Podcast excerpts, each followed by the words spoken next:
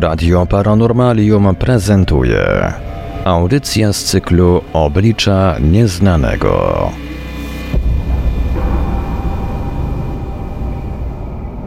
Drodzy Państwo, jeszcze tak z tydzień temu wydawało się przynajmniej niektórym, że polskie kryptydy to temat tak na maksymalnie jedną audycję, ale właśnie tydzień temu wszyscy chyba przekonaliśmy się, że nic bardziej mylnego, zatem wątek polskich potworów będziemy kontynuować w dzisiejszym odcinku audycji Oblicza Niestanego, który właśnie teraz, właśnie tutaj, 23 stycznia 2023 roku, krótko po godzinie 20, na antenie Radia Paranormalium startuje. Będę oczywiście obsługiwał audycję od strony technicznej. Nazywam się Marek Sankiewelios. Są z nami także nasi goście Arkadiusz Kocik z Warmińsko-Mazurskiej Grupy Ufologicznej, autor audycji Bibliotekarium 2.0, pisarz science fiction, publicysta współpracujący z Nieznanym Światem Marek Żelkowski, a rozmowy poprowadzi dla Państwa Piotr Cielebiaś z Nieznanego Świata. Jeszcze tylko przypomnę kontakty, pod którymi będziemy zbierać Państwa pytania i komentarze.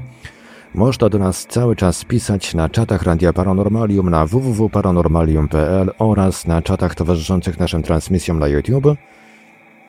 Nasz numer do SMS-ów to 536 20 493, 536 20 493, skype radio.paranormalium.pl. Można także do nas pisać poprzez nasze profile na Signalu, na Telegramie, na Facebooku, a jeżeli ktoś woli, to może także wysyłać pytania, komentarze i różne inne wiadomości odnoszące się do naszej audycji na nasz adres e-mail radiomałpa.paranormalium.pl. A więc Piotrze, oddaję Ci głos. Dobry wieczór, dobry wieczór. Tak jak tu Iwelios przed chwilą powiedział, no tydzień temu doszło do zaskakującej sytuacji, bo gdzieś e, w pół do dziesiątej zorientowaliśmy się, że, że jesteśmy w połowie pytań. Temat kryptyd nad Wisły bardzo wiele osób zaintrygował, zainteresował. Pojawiły się nawet jakieś tam interesujące komentarze. E, jak to w ogóle się stało, że myśmy ten temat tak pociągnęli? W sumie nie wiem. Okazuje się, że chyba nikt nigdy nie dokonał takiego zbiorczego, yy, takiego podsumowania tych starszych relacji i tych nowszych. Yy, mnie osobiście też zaskoczyła obszerność tematu. To, co chcielibyśmy zmieścić w jednej audycji, no zajęło aż dwie. Ale żywa reakcja, jak powiedziałem, nas zaskoczyła. Dzisiaj będzie jeszcze ciekawiej, ale i straszniej bo opowiemy Wam o kilku mało znanych przypadkach, a także odniesiemy się między innymi do takiego palącego problemu, czy w Polsce widywano stworzenia mogące być, mogące być w jakiś sposób spokrewnione z tak zwaną wielką stopą albo śnieżnym człowiekiem. No i czy te liczne legendy o leśnych potworach e, mogą świadczyć o tym, że nasi słowiańscy przodkowie e, spotykali się z tymi, powiedzmy, hominoidami? Y, zapamiętując je albo utrwalając raczej w swojej tradycji jako, jako leszych albo jednego z wielu diabłów. Ale na początek mała retrospekcja. Y, w poprzednim odcinku odnieśliśmy się do istoty, y, istoty nauki, jaką jest kryptozoologia, dlatego że część kryptozoologów to są rzeczywiście no, badacze, którzy poszukują różnego rodzaju zaginionych gatunków jak już powiedziałem tydzień temu, no, najczęściej to nie są gatunki legendarne. No może kilka z nich, ale tak naprawdę kryptozoolodzy, ci jak Karol Schuker, poszukują zwierząt, które są e, mniejsze, no i nie wzbudzają tylu emocji. To są, to są zazwyczaj gatunki, które były uważane za wymarłe, a które gdzieś się tam uchowały. Najczęściej ptaki, najczęściej owady. Postawiliśmy Wam też pytanie, E, czy Polska, kraj względnie nieduży i gęsto zaludniony w miarę, może być siedliskiem potworów albo nieznanych gatunków zwierząt. E, dokonaliśmy także przeglądu kilku relacji na temat polskich potworów wodnych lub morskich, e, które raczej są jednak nieliczne, mało znane i sugerują, że w grę mogły wchodzić na przykład źle rozpoznane konwencjonalne gatunki zwierząt, no chociażby ten biskup morski.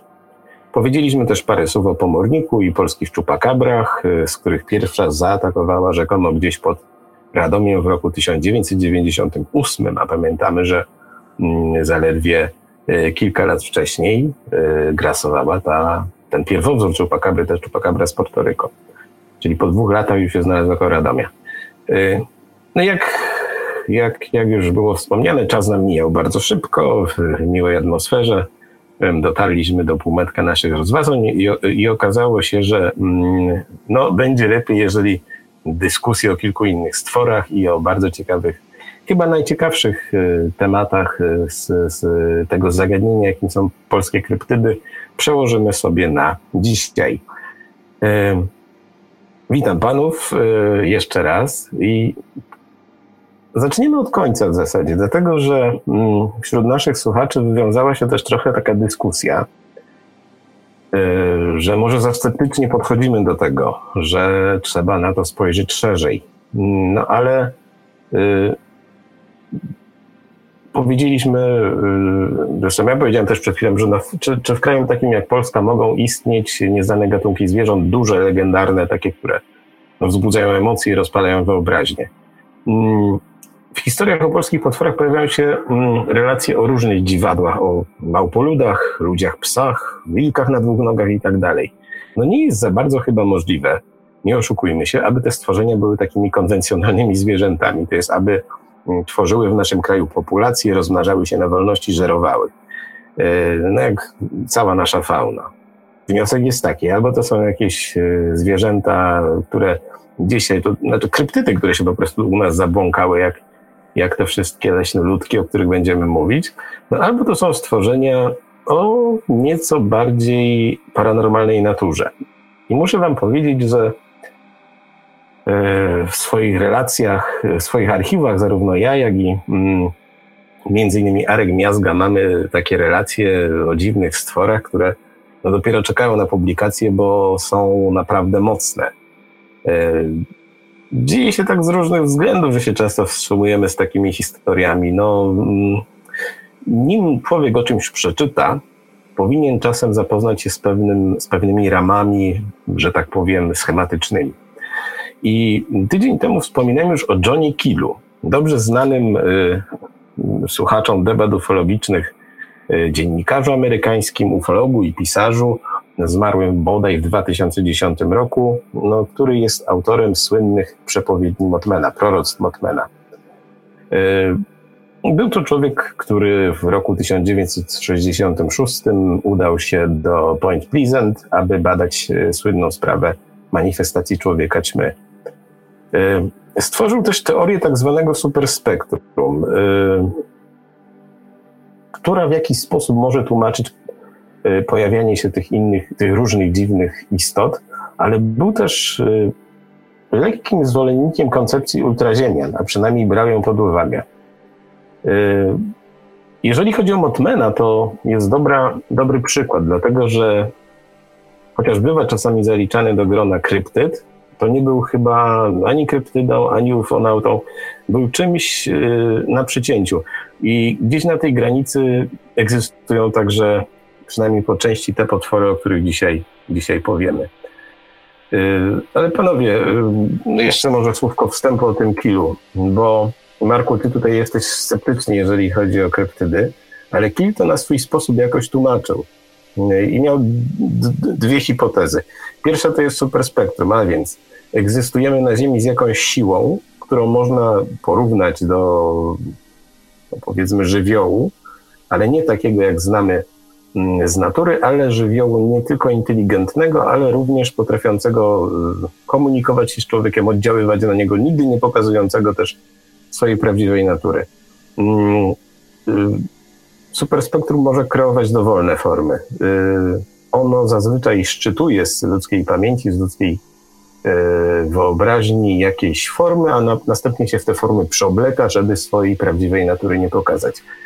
Mm, blisko jest tutaj do teorii dystorsji Jose Antonio Caravaki, która mówi, że spotkanie z dziwacznymi stworzeniami, w tym ufonautami, to w większości właśnie zetknięcia z jakąś siłą, która się kamufluje, mm, kamufluje, y, jest niczym zwierciadło, tak? Y, czyli odbija wszystkie nasze lęki, wyobrażenia i tak ją widzimy, natomiast nigdy nie widzimy jej jej prawdziwej natury. Blisko tutaj oczywiście też do hipotezy o ultraziemianach, czyli niewidocznych mieszkańcach Ziemi, którzy wykorzystują swoje no, zdolności, super zdolności może nie, zdolności, mm, których brak człowiekowi, aby się przed nami maskować. Ale i by nie przerazić ludzi, którzy przypadkiem na takiego ultraziemianina się natkną. Mm, oddziałując w jakiś sposób na umysł świadka, sprawiają, że ten widzi ich jako, nie wiem, wilkołaki, małpoludy czy marsjan. No kim mogą być owi ultraziemiani? To już wymaga głębszej analizy i poświęcimy temu kiedyś odcinek dowodów ufologicznych. Mm, w zasadzie mogą to być zarówno jakieś, jakieś wyższe istoty od nas mieszkające na Ziemi, jak i przybysze z innych planet, którzy chcą pozostać niewykryci, bo nas na przykład badają. Trzeba też pamiętać, że ten wątek paranormalny, paranormalny, często pojawia się w relacjach o Bigfoocie, i to nie tylko w momencie, kiedy potrafi on sobie w magiczny sposób zniknąć. Słyszałem relacje ludzi, którzy na przykład widzieli, jak ten wielki dwumetrowy małpolud dosłownie no, wchodzi w jakąś ścianę skalną i się rozpływa. Czy to mimikra doskonała, czy też może jakaś iście mesmerowska zdolność do zasiewania strachu w ludzkim umyśle przez małpoluda, no tego nie wiem. E, ale panowie, jak wy odnosicie się do tej, do tych, do tej hipotezy w zasadzie, która poszukuje źródeł relacji o potworach w siłach no nie do końca naturalnych. E, Marku, czy ciebie przekonuje ta koncepcja Kila mówiąca, że gdzieś tam mogą się kręcić po ziemi jacyś ultraziemianie? Tak, to znaczy y, między innymi tak. Bo kiedy powiedziałeś o tym, że jestem sceptycznie nastawiony, to kiwnąłem głową, owszem, tak, ale ja jestem sceptycznie nastawiony do takiego rozumienia mm, tych dziwnych gatunków, które się pojawiają, tych kryptyd, jako takich stworów, które żyją obok nas, gdzieś tam się maskują, w norkach sobie siedzą i się od czasu do czasu pojawiają. Ja y, jakoś trudno mi jest przyjąć taką koncepcję. Natomiast wszystkie te, które przedstawiłeś przed chwilą, y, są dla mnie mm, do przyjęcia. To znaczy one dlatego, że one nie zakładają, że te kryptydy permanentnie żyją obok nas. Natomiast zakładają, że od czasu do czasu się pojawiają, e, wkraczają do naszego świata, e, pokazu- ukazują się, budzą jakiś niepokój. Mm, I tak, to, to jest dla mnie mm, taki rodzaj wyjaśnienia, który który przyjmuje. W dodatku mm, to jest tak, że kiedy mówimy o, o, o tych dziwnych, dziwnych stworach, kryptydach, no to zjawisko jest na tyle częste, y, na, na, na, tyle często przytaczane, przywoływane, że trudno je lekceważyć, trudno je mm, powiedzieć, no to bez sensu, głupoty ludzie wymyślają. E, no i zapytacie Państwo, no tak, no to jak, Panie Żelkowski, łączysz to ze swoim sceptycyzmem? No właśnie tak, jak powiedziałem przed chwilą. E, nie wierzę e, w te kryptydy, które gdzieś tutaj sobie myszkują po lasach, natomiast e, jestem w stanie przyjąć jedną z tych, mm, z tych hipotez, jedną z tych opcji, które Piotr przedstawił, czy to właśnie ultraziemian, czy, czy, czy, jak, czy tego każdym razie pojawiania się, pojawiania się tych stworów yy, od czasu do czasu yy, nad, ludzie natykają się, relacjonują i to wydaje się koncepcją bardziej spójną z mojego punktu widzenia, bo tak jak Piotr to zaznaczył, naprawdę uważam, że y, Polska, w ogóle Europa, to jest w gruncie rzeczy mały spłachetek ziemi, dosyć gęsto zaludniony i miejsca dla takich y, ukrywających się stworów, które nie wiadomo skąd pochodzą, ale żyją wśród nas i, i tak dalej, i tak dalej, już nie będę, nie będę błaznował, to myślę, że nie ma. Natomiast na stwory, które od czasu do czasu odwiedzają nasz wymiar, naszą rzeczywistość, czy jakkolwiek sobie to, to, to, to będziemy tłumaczyć, a to jak najbardziej. Jak najbardziej i to jest, to są, to są te koncepcje, które do mnie przemawiają. Dzięki. Tak, to trzeba też pamiętać, że tak jak w ufologii, tak i w kryptozoologii nie możemy tych wszystkich stworów mierzyć jedną miarą. E, czym innym mogą być niewykryte gatunki, nie wiem, waleni czy płetwonogów, e, które mogą, które mogły dać życie mm, historiom o potworach wodnych. No, czym, inny, czym innym są opowieści, jakie dzisiaj poznamy, czyli o spotkaniu oko w oko z jakimś jakimś czymś, co nawet trudno opisać, co jednak wyglądało na w pełni, w pełni żywe i namacalne. Jest jeden problem oczywiście z tą hipotezą. Ona szuka wyjaśnienia pewnych anomalii, no, na przykład tą hipotezą o ultraziemianach czy o dystorsji.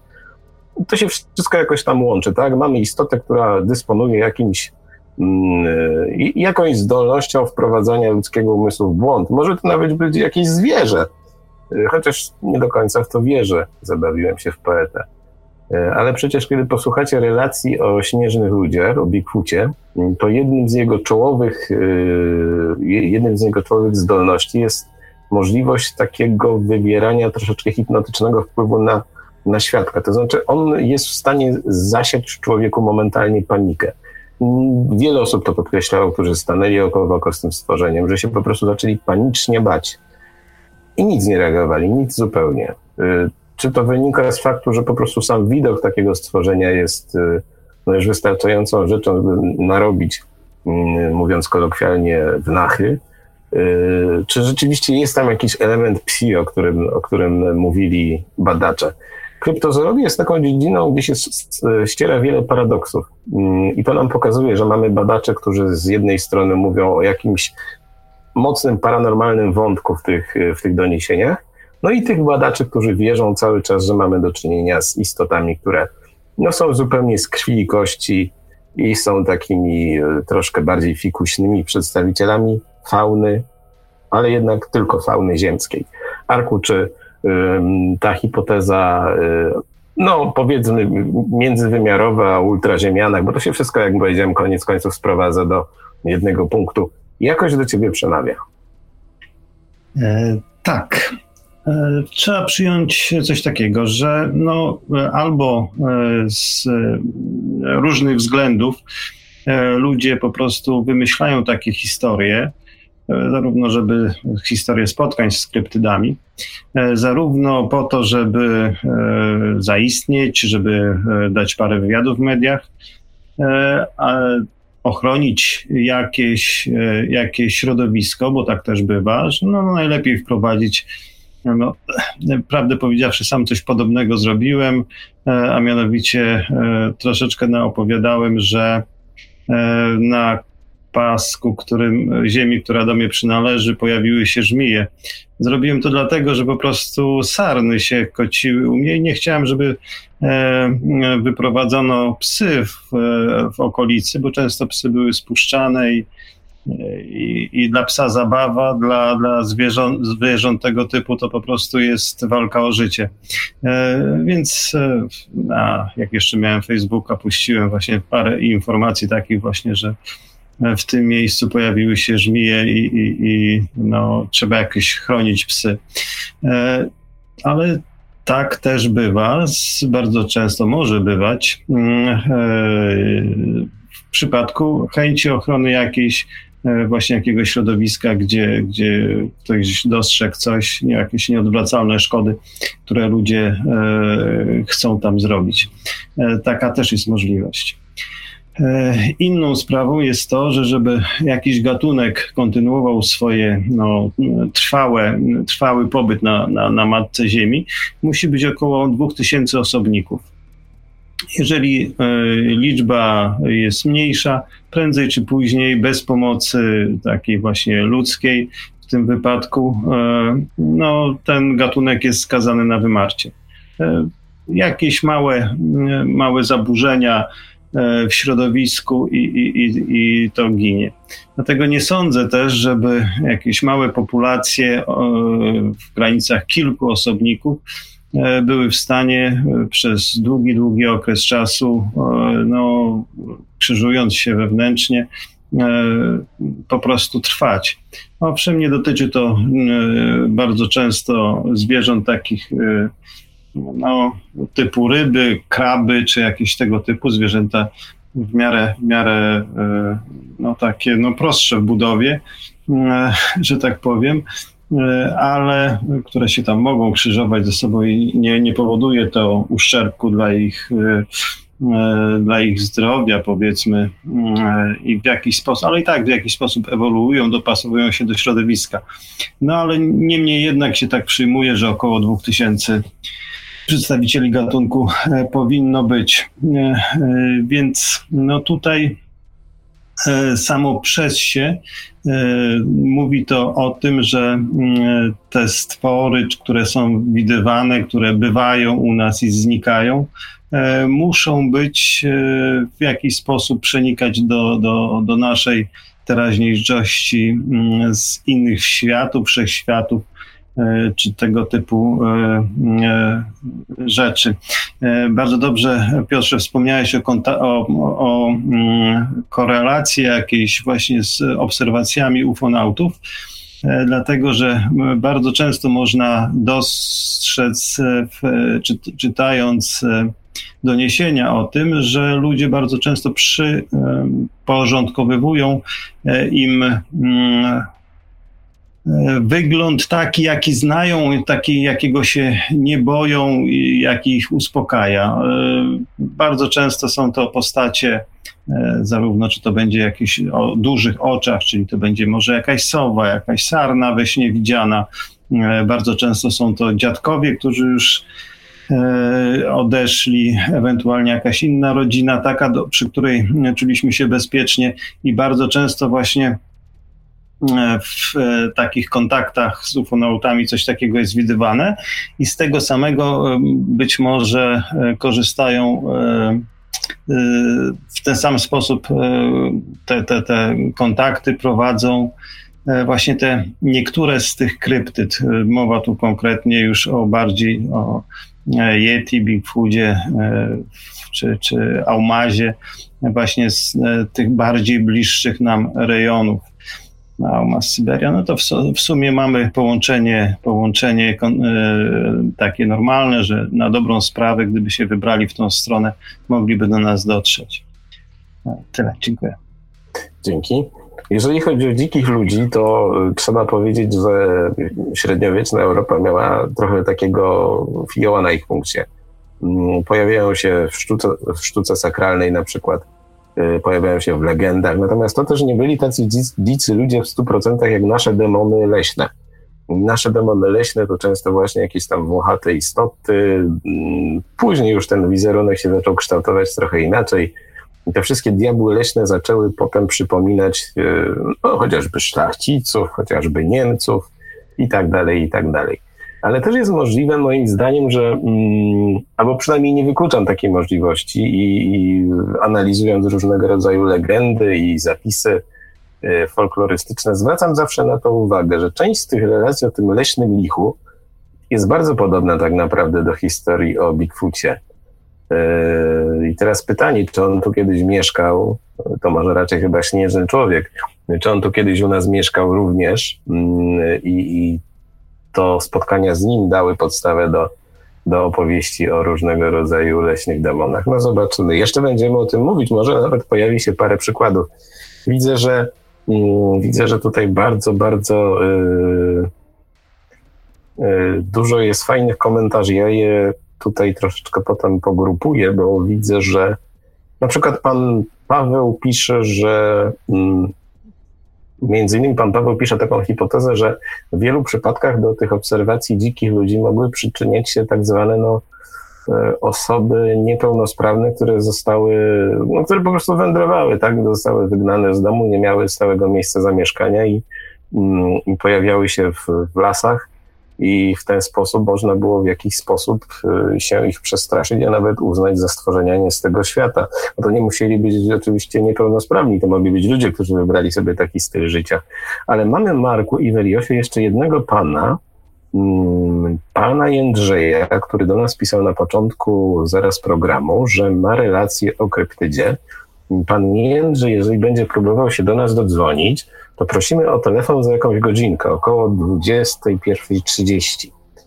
E, Iwelios przypomni e, wtedy telefony. E, jeżeli to jest interesująca historia, to bardzo prosimy, jak mówię, za jakąś godzinkę, bo musimy jeszcze kilka rzeczy sobie tutaj z panami omówić.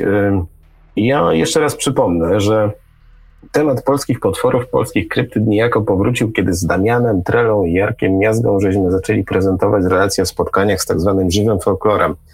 I nie chodzi tu tylko o tańce czy ludowe przyśpiewki, to mówię do tych, którzy się przyłączyli do naszej audycji teraz albo niedawno, ale relacje ludzi, którzy twierdzili, że spotkali istoty pochodzące no, wprost z demonologii ludowej, jakieś tam bobinki, karły, pomorniki, o pomorniku mówiliśmy tydzień temu i tak dalej.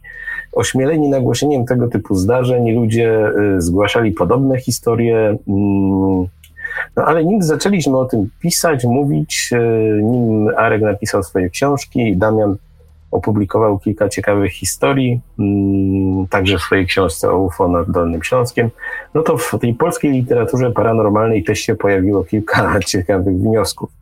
I co mi tak od razu przyszło do głowy, o czym zapomniałem powiedzieć tydzień temu. Kiedy mówiliśmy o tej polskiej czupakabrze, nie wiem, Arku, czy to pamiętasz, ale był swego czasu taki kontrowersyjny ufolog, nazywał się Jan Pająk. Mm, I on pochodził gdzieś chyba z okolicy Dolnego Śląska. On potem wyemigrował, w sumie doktor Jan Pająk. On potem wyemigrował. ale pamiętam, że i to było jakiś czas temu, dobrych kilka lat, kiedy on publikował jeszcze w sieci te różne swoje historie, to pamiętam, że że jedna z nich dotyczyła spotkania gdzieś w okolicach Ślęży, ale tutaj nie dam sobie ręki uciąć, czy to była Ślęża, to były gdzieś te, te okolice, Dolny Śląsk, okolice Wrocławia. I on twierdził, że spotkał wtedy polską czupakabrę, jakieś dziwaczne zwierzę, które no, wygląda jak jakaś chimera niesamowita. E, nie było to żadne zwierzę znane z, e, nie tylko z zoologii, ale też oczywiście z fauny polskiej. Ale tych historii było więcej. No, tak wertując sobie w pamięci różnego rodzaju doniesienia, no to przypomina mi się na przykład taka historia opisana przez Kazimierza Brzozowskiego, który z kolei donosił o jakichś istotach wychodzących regularnie z, z, ze studni na posesji gdzieś w województwie mazowieckim. Niestety dokładnie nie pamiętam gdzie.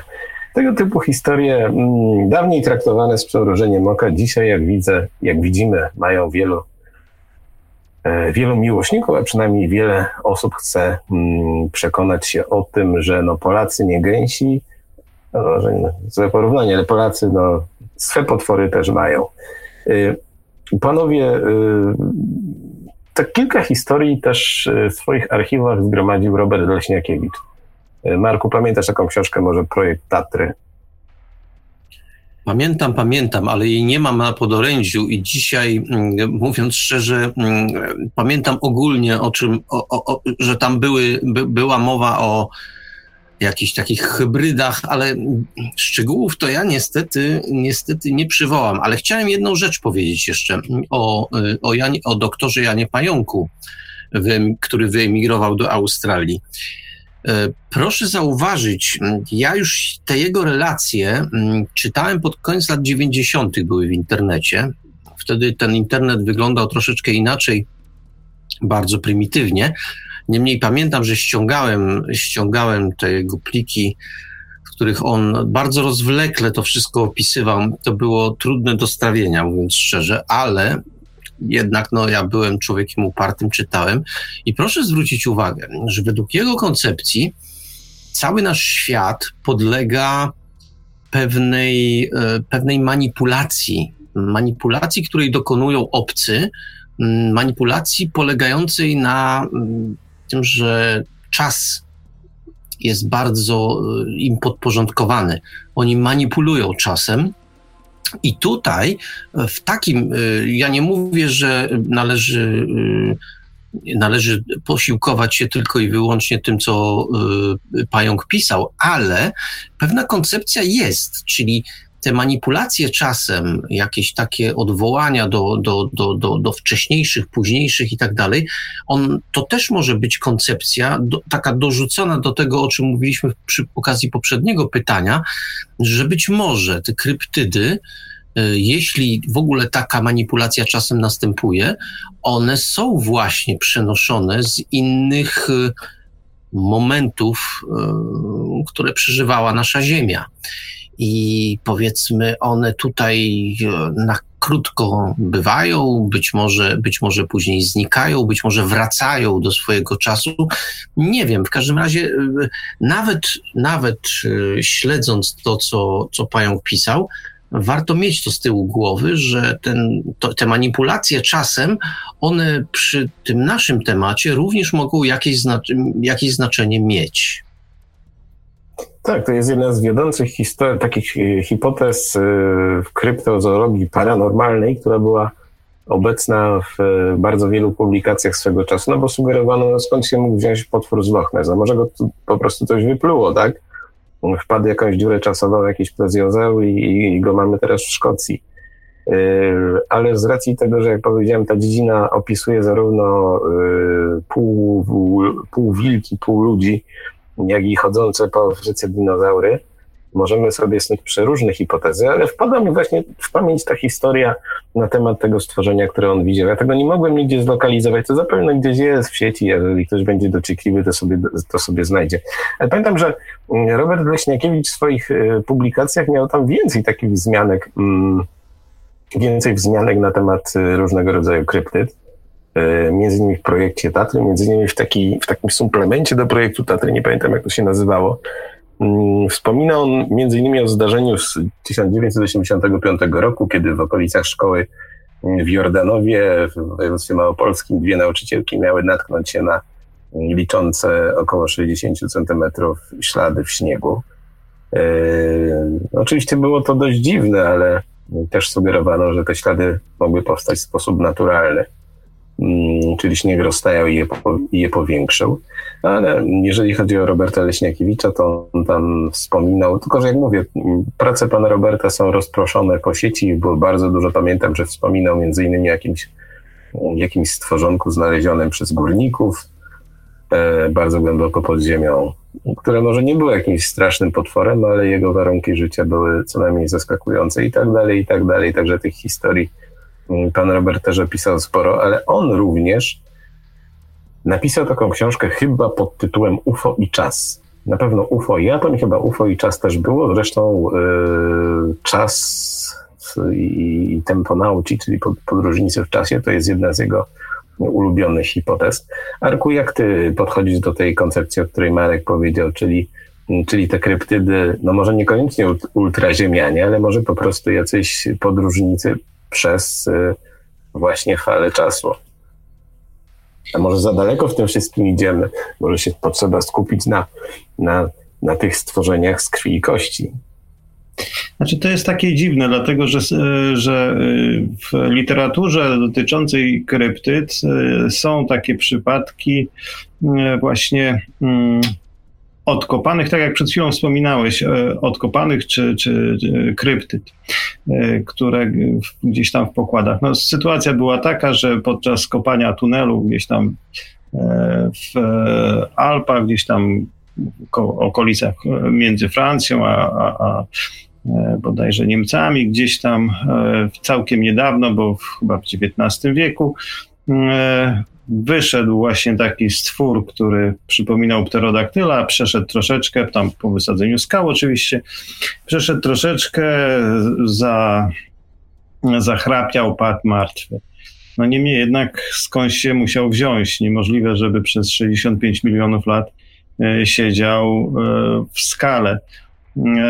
Ten przypadek był swego czasu, e, można go spotkać w bardzo wielu e, książkach o, o niewyjaśnionych rzeczach. E, co się dało, dalej z tą kryptydą stało? Prawdopodobnie był jeszcze jakiś czas w którymś tam z muzeów wystawiany, ale podczas I wojny światowej po prostu przepadł.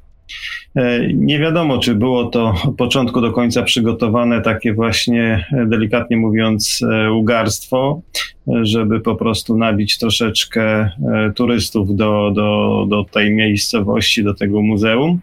No bo tak, tak też bardzo często było. Inne doniesienia do, do, dochodziły z, z tego, co pamiętam, ze Stanów Zjednoczonych, gdzie mm, polowano właśnie też między innymi na, e, na coś podobnego do pterodaktyla, którego, e, którego nawet ustrzelono i zrobiono sobie przy nim zdjęcie. E, więc takie, takie zwierzątka no, pojawiają się przez, przez, przewijają się przez nas. Na ile to jest wiarygodne, no tego nie wiadomo, ale jedną z takich właśnie mm, jedną z takich, no, takich idei znaczy przenikania tych, tych wszystkich stworów jest właśnie idea połączonego połączonego czasu i właśnie możliwości przenikania. Był kiedyś taki angielski film w telewizji odcinkowy, gdzie właśnie pojawiały się takie struktury łączące e, nas z innymi czasami, przez które przenikały jakieś właśnie dziwne zwierzęta. Z tym, że to się działo tam bardzo szybko, natomiast z perspektywy e, życia jednego człowieka, tak e, tych, tych kryptyd tak naprawdę nie ma tak e, zbyt wiele w jakimś tam określonym miejscu. Ale że Polacy, tak jak powiedziałeś, Piotrze, nie gęsi swoje kryptydy mają, więc my mieliśmy też doświad- takie, takie informacje od Damiana Treli z kolei, gdzie świadkowie zauważyli właśnie postacie, czy, czy, czy, które były na, na, na, na, na wieżowcu, było to późnym wieczorem, e, właśnie, które e, zleciały z tego i jak rozwinęły skrzydła, przy, przypominały właśnie pterodaktyle. E, ciężko powiedzieć, na ile wiarygodne jest to, to ta historia. E, swego czasu była ona dosyć często e, na, na właśnie forach e, internetowych podbijana, związanych z, z nieznanym. Damian Trela właśnie dotarł do, do głównych świadków. No i cóż, ciężko powiedzieć. No, jedyną, wydaje się, że jedyną taką sensowną odpowiedzią są właśnie jakieś połączenia czasowe E, czy może międzywymiarowe z albo innym wymiarem, albo z innymi czasami. E, jeżeli chodzi o zmianę upływu czasu, to takie tego typu rzeczy e, były już opisywane też w publikacjach o UFO i one dotyczyły między innymi takiego momentu, w którym czas zamierał, ale też i tak jak w przypadku E, w przypadku e, na Helu e, było też i nie tylko spowolnienie, ale bodajże z tego co pamiętam lekkie cofnięcie w czasie, czyli czas nie jest takim, jakim go postrzegamy na co dzień, że, że jest stałą, stały, stałą rzeczą, jedną ze, ze stałych kosmicznych, ale można nim właśnie w dowolną stronę w jakiś sposób manipulować. Być może, e, być może przez fale grawitacyjne, które mogą być powiązane z nim, ale tutaj e, trzeba by było e, troszeczkę inaczej, e, inaczej wgłębić się w teorię e, czasoprzestrzeni i tak dalej. E, a tu wracając do kryptyd, no jest to naprawdę wielkie takie, wielka zagadka dlatego że no, spotykamy się z tym. E, zapewne, jeżeli, byśmy, jeżeli są to jakieś małe zwierzątka e, typu, e, typu owady, no, nie dostrzeglibyśmy ich. Natomiast jeżeli są to duże, duże tam ponadmetrowej wysokości, wysokości zwierzęta, no to już tu już raczej nie można mówić o tym, że w jakiś tam sposób przetrwały. E, tutaj chciałbym też od razu powiedzieć, e, e, że ponieważ te postacie, które zleciały w dół i poleciały dalej tam w stronę parku, stały na tym dachu, więc wyklucza to pomyłkę z nietoperzami, dlatego że nietoperze E, nie stoją nigdy na łapach, zawsze wiszą w dół. Nawet jeżeli e, zatrzymują się gdzieś na drzewach czy gdzieś tam, e, nie startują z pozycji stojącej, tylko zawsze wiszącej. Więc tutaj odpada coś takiego. Nawet rudawki, czyli te duże nietoperze z Azji, które odżywiają się owocami, też startują z pozycji wiszącej. Więc e, jakiekolwiek tutaj e, możliwości tego, że, że ktoś pomylił to właśnie z rudawkami czy z nietoperzami jest raczej wykluczone. Dziękuję. No tak, jeżeli sobie wrócicie do tej audycji o efekcie Mandeli, tam przy, przywoływaliśmy też historię ludzi, którzy twierdzili, że nagle znaleźli się w jakiejś zupełnie innej rzeczywistości, znaczy podobnej do naszej, ale trochę jakby zmienionej czasowo, czyli przesuniętej w przódnej części, ale też zdarzały się w literaturze e, takie relacje, które mówiły o przeskokach e, do tyłu, w przeszłość. No to jeżeli pójdziemy tym tropem i założymy, że jest to możliwe, no to przecież mogłoby to jakoś tłumaczyć obserwacje kryptyd, które były, a których już nie ma. No ale z drugiej strony przychodzi mi, Marku, do głowy takie coś. U nas występował powszechnie mm, tur, potem z biegiem e, stuleci był coraz rzadszy, e, w końcu zniknął. A ten tur jakoś dziwnym tropem no nie przyczynił się do powstania jakichś legend nie wiadomo jakich. Mm, to też jest takie symptomatyczne, jeżeli mówimy o tego typu historiach, ale nie, nie bez, nie bez yy, tutaj y, nieprzypadkowo rozmawialiśmy o tych wszystkich dziwnych koncepcjach mówiących o e, a to przeskokach w czasie, a to, mm, a to y, jakieś tam przesunięcia, a to ultraziemianach, o, dlatego że mm, przejdziemy do kilku bardzo dziwnych historii, E, które odnotowali mm, polscy badacze, albo które pochodzą gdzieś tam z naszych, z naszych e, archiwów. Ja pamiętam taką historię z miejscowości Niedrzwica Kościelna koło Lublina. E, działo się to zimą, zimą 2006 roku. Świadek jadący samochodem widział zwierzę mm, poruszające się z ogromną prędkością. Co więcej, to stworzenie wydawało jakieś nieprzyjemnie brzmiące porykiwania. To po pewnym czasie był on w stanie zobaczyć humanoidalną, tak jakby postać, ale kiedy wrócił do domu, okazało się, że jego pies zwariował. Nie chciał się z nim przywitać, był mm, strasznie podekscytowany. Zresztą pojawienie się tego dziwnego y, stworzenia miało wywołać psią kakofonię w całej okolicy. Y, jeżeli miałbym powiedzieć, co jest takim charakterystycznym elementem y, polskich, w polskiej kryptozoologii w ostatnich latach, to powiedziałbym, że to są E, relacje na temat stworzeń, które przypominają nieco indyjskie skinwalkery, albo po prostu, no może to zabrzmi śmiesznie, ale wilkołaki. E, pamiętam, kiedy jeden z amerykańskich badaczy przekazał mi przed laty historię o turyście z USA, który przyjechał do nas nad Wisłę i z pociągu zobaczył po prostu takie, takie stworzenie. Wilka na dwóch nogach, jak powiedział. No ale takie relacje gromadził też na przykład Arek Miazga, i oto, co powiedział jeden z mieszkańców y, Podkarpacia. Zacytuję wam. Sekundkę. Zdarzyło się to najprawdopodobniej we wsi Komorów lub Huta Komorowska w maju bądź czerwcu 1991 roku, niedaleko Nowej Dęby, gdzie wtedy mieszkałem. Uczęszczałem do trzeciej klasy szkoły podstawowej. To była wycieczka klasowa dwudniowa. Mieliśmy na terenie należącym do Straży Pożarnej Mieszkaliśmy na terenie należącym do Straży Pożarnej. Nocleg mieliśmy w murowanej dużej remizie. Na tym terenie było sporo drzew i krzaków. Po środku była zadaszona weranda rozmiarów szkolnej sali gimnastycznej oraz studnia. Cały teren był ogrodzony.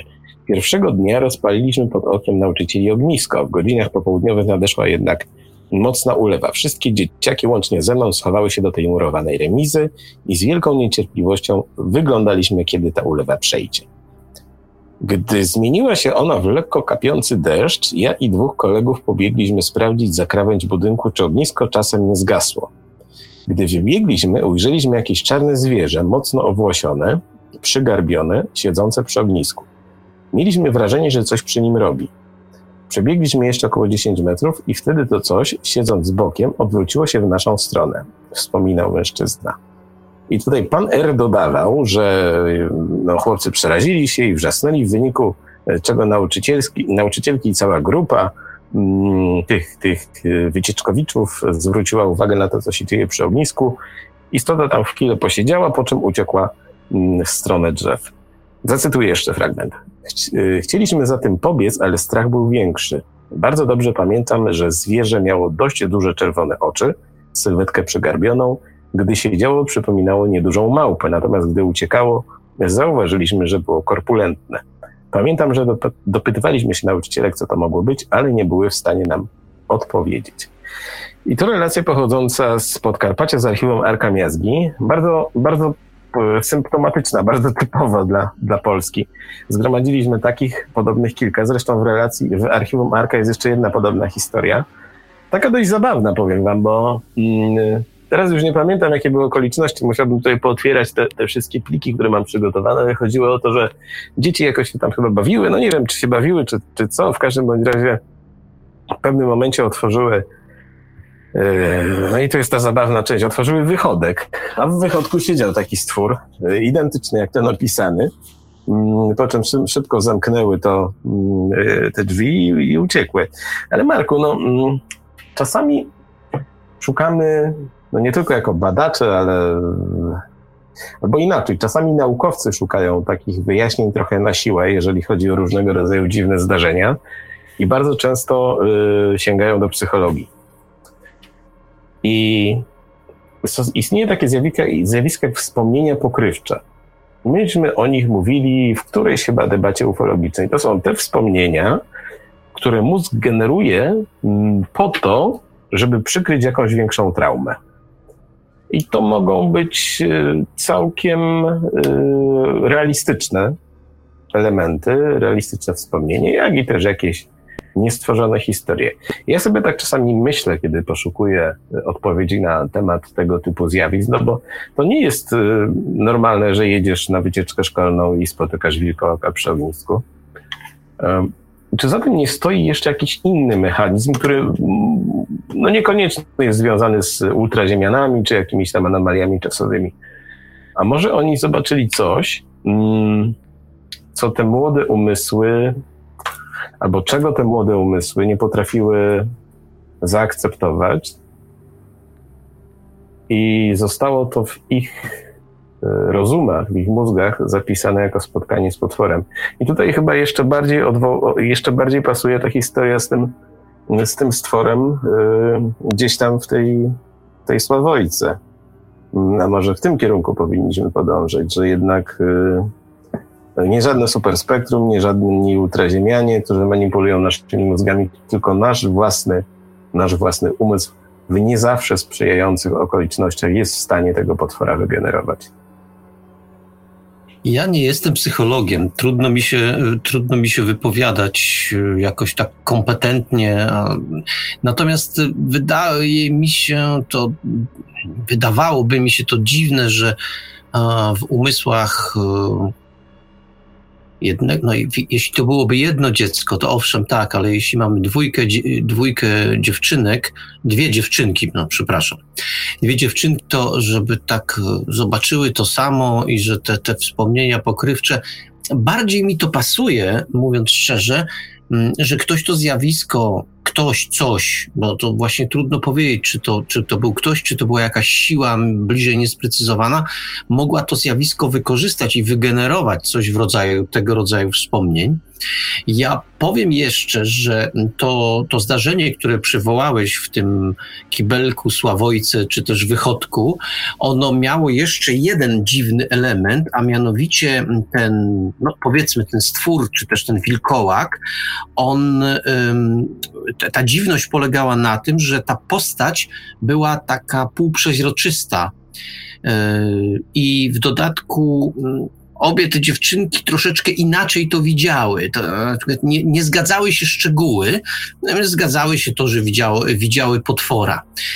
I teraz, no, z jednej strony mogłoby tego rodzaju, tego rodzaju zgłoszenie mogłoby potwierdzać to, co powiedziałeś, że te umysły młode pokryły sobie to jakimś potworem, dlatego się potwory nie zgadzały, bo, bo w każdym umyśle się zapisały inaczej.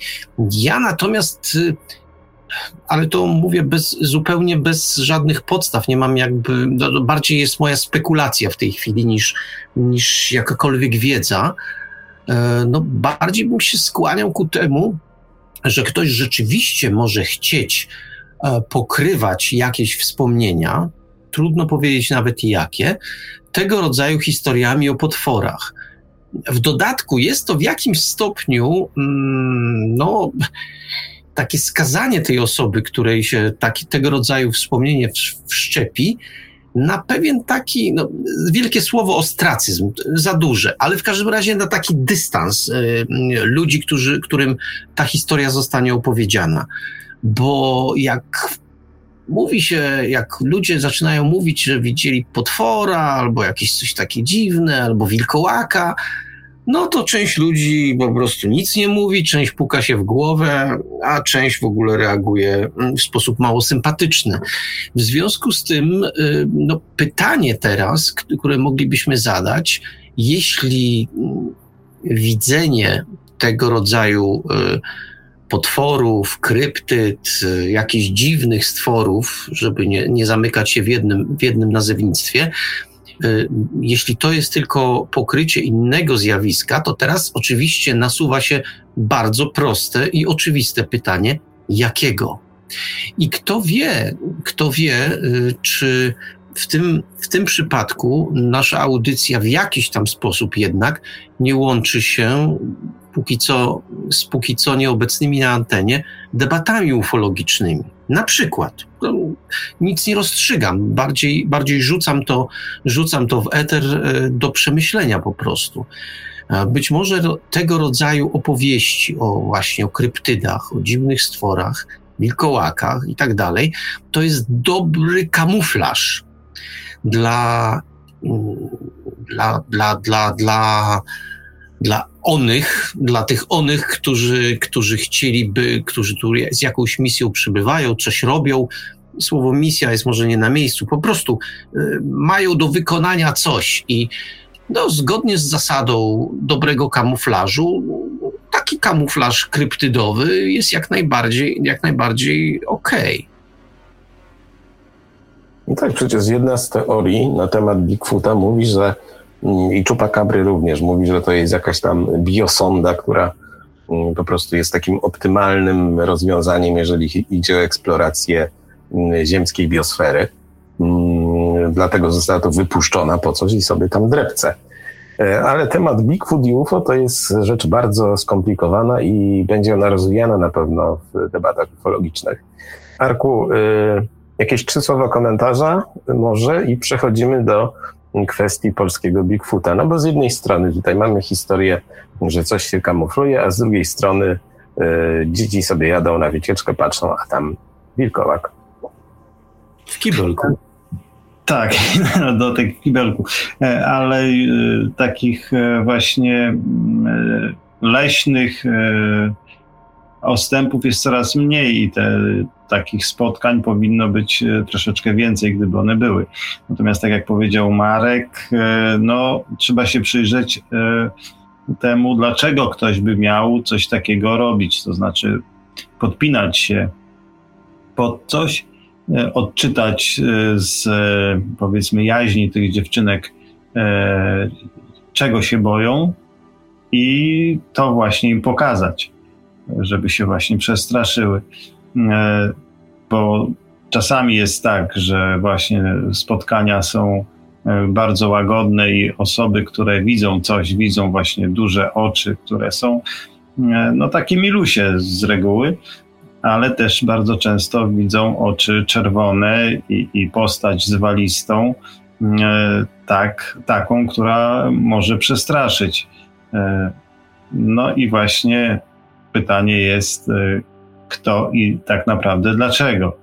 No bo zebranie próbek y, tyle razy, co, co przez te y, tysiące lat, gdzie tutaj współistniejemy z, właśnie z tym czymś obcą, z tą obcą strukturą, że tak powiem, no to tych próbek można by było pobrać.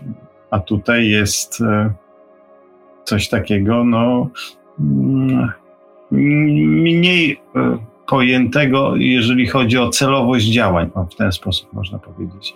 E, no nie wiem. To dziękuję. Drodzy słuchacze, drodzy Państwo, jednym z takich najbardziej fascynujących tematów jest obecność na ziemiach polskich tak zwanych śnieżnych ludzi, czyli euroazjatyckich odpowiedników Bigfoota. E, cytowany tydzień temu, e, dwa tygodnie temu profesor Czubala mówi o mnogości tego typu doniesień w relacjach staropolskich. Y, czy te wszystkie borowe dziadki, te wszystkie diabły leśne i leśne licha mogą być tak naprawdę polskimi Bigfootami. Śnieżny człowiek to nazwa, którą Rosjanie nadali reliktowym hominoidom. Oni tak to nazywają. To te same stworzenia, które za oceanem są znane jako Bigfoot, Sasquatch i tak dalej. W Azji jako Jeren lub Orang Pendek.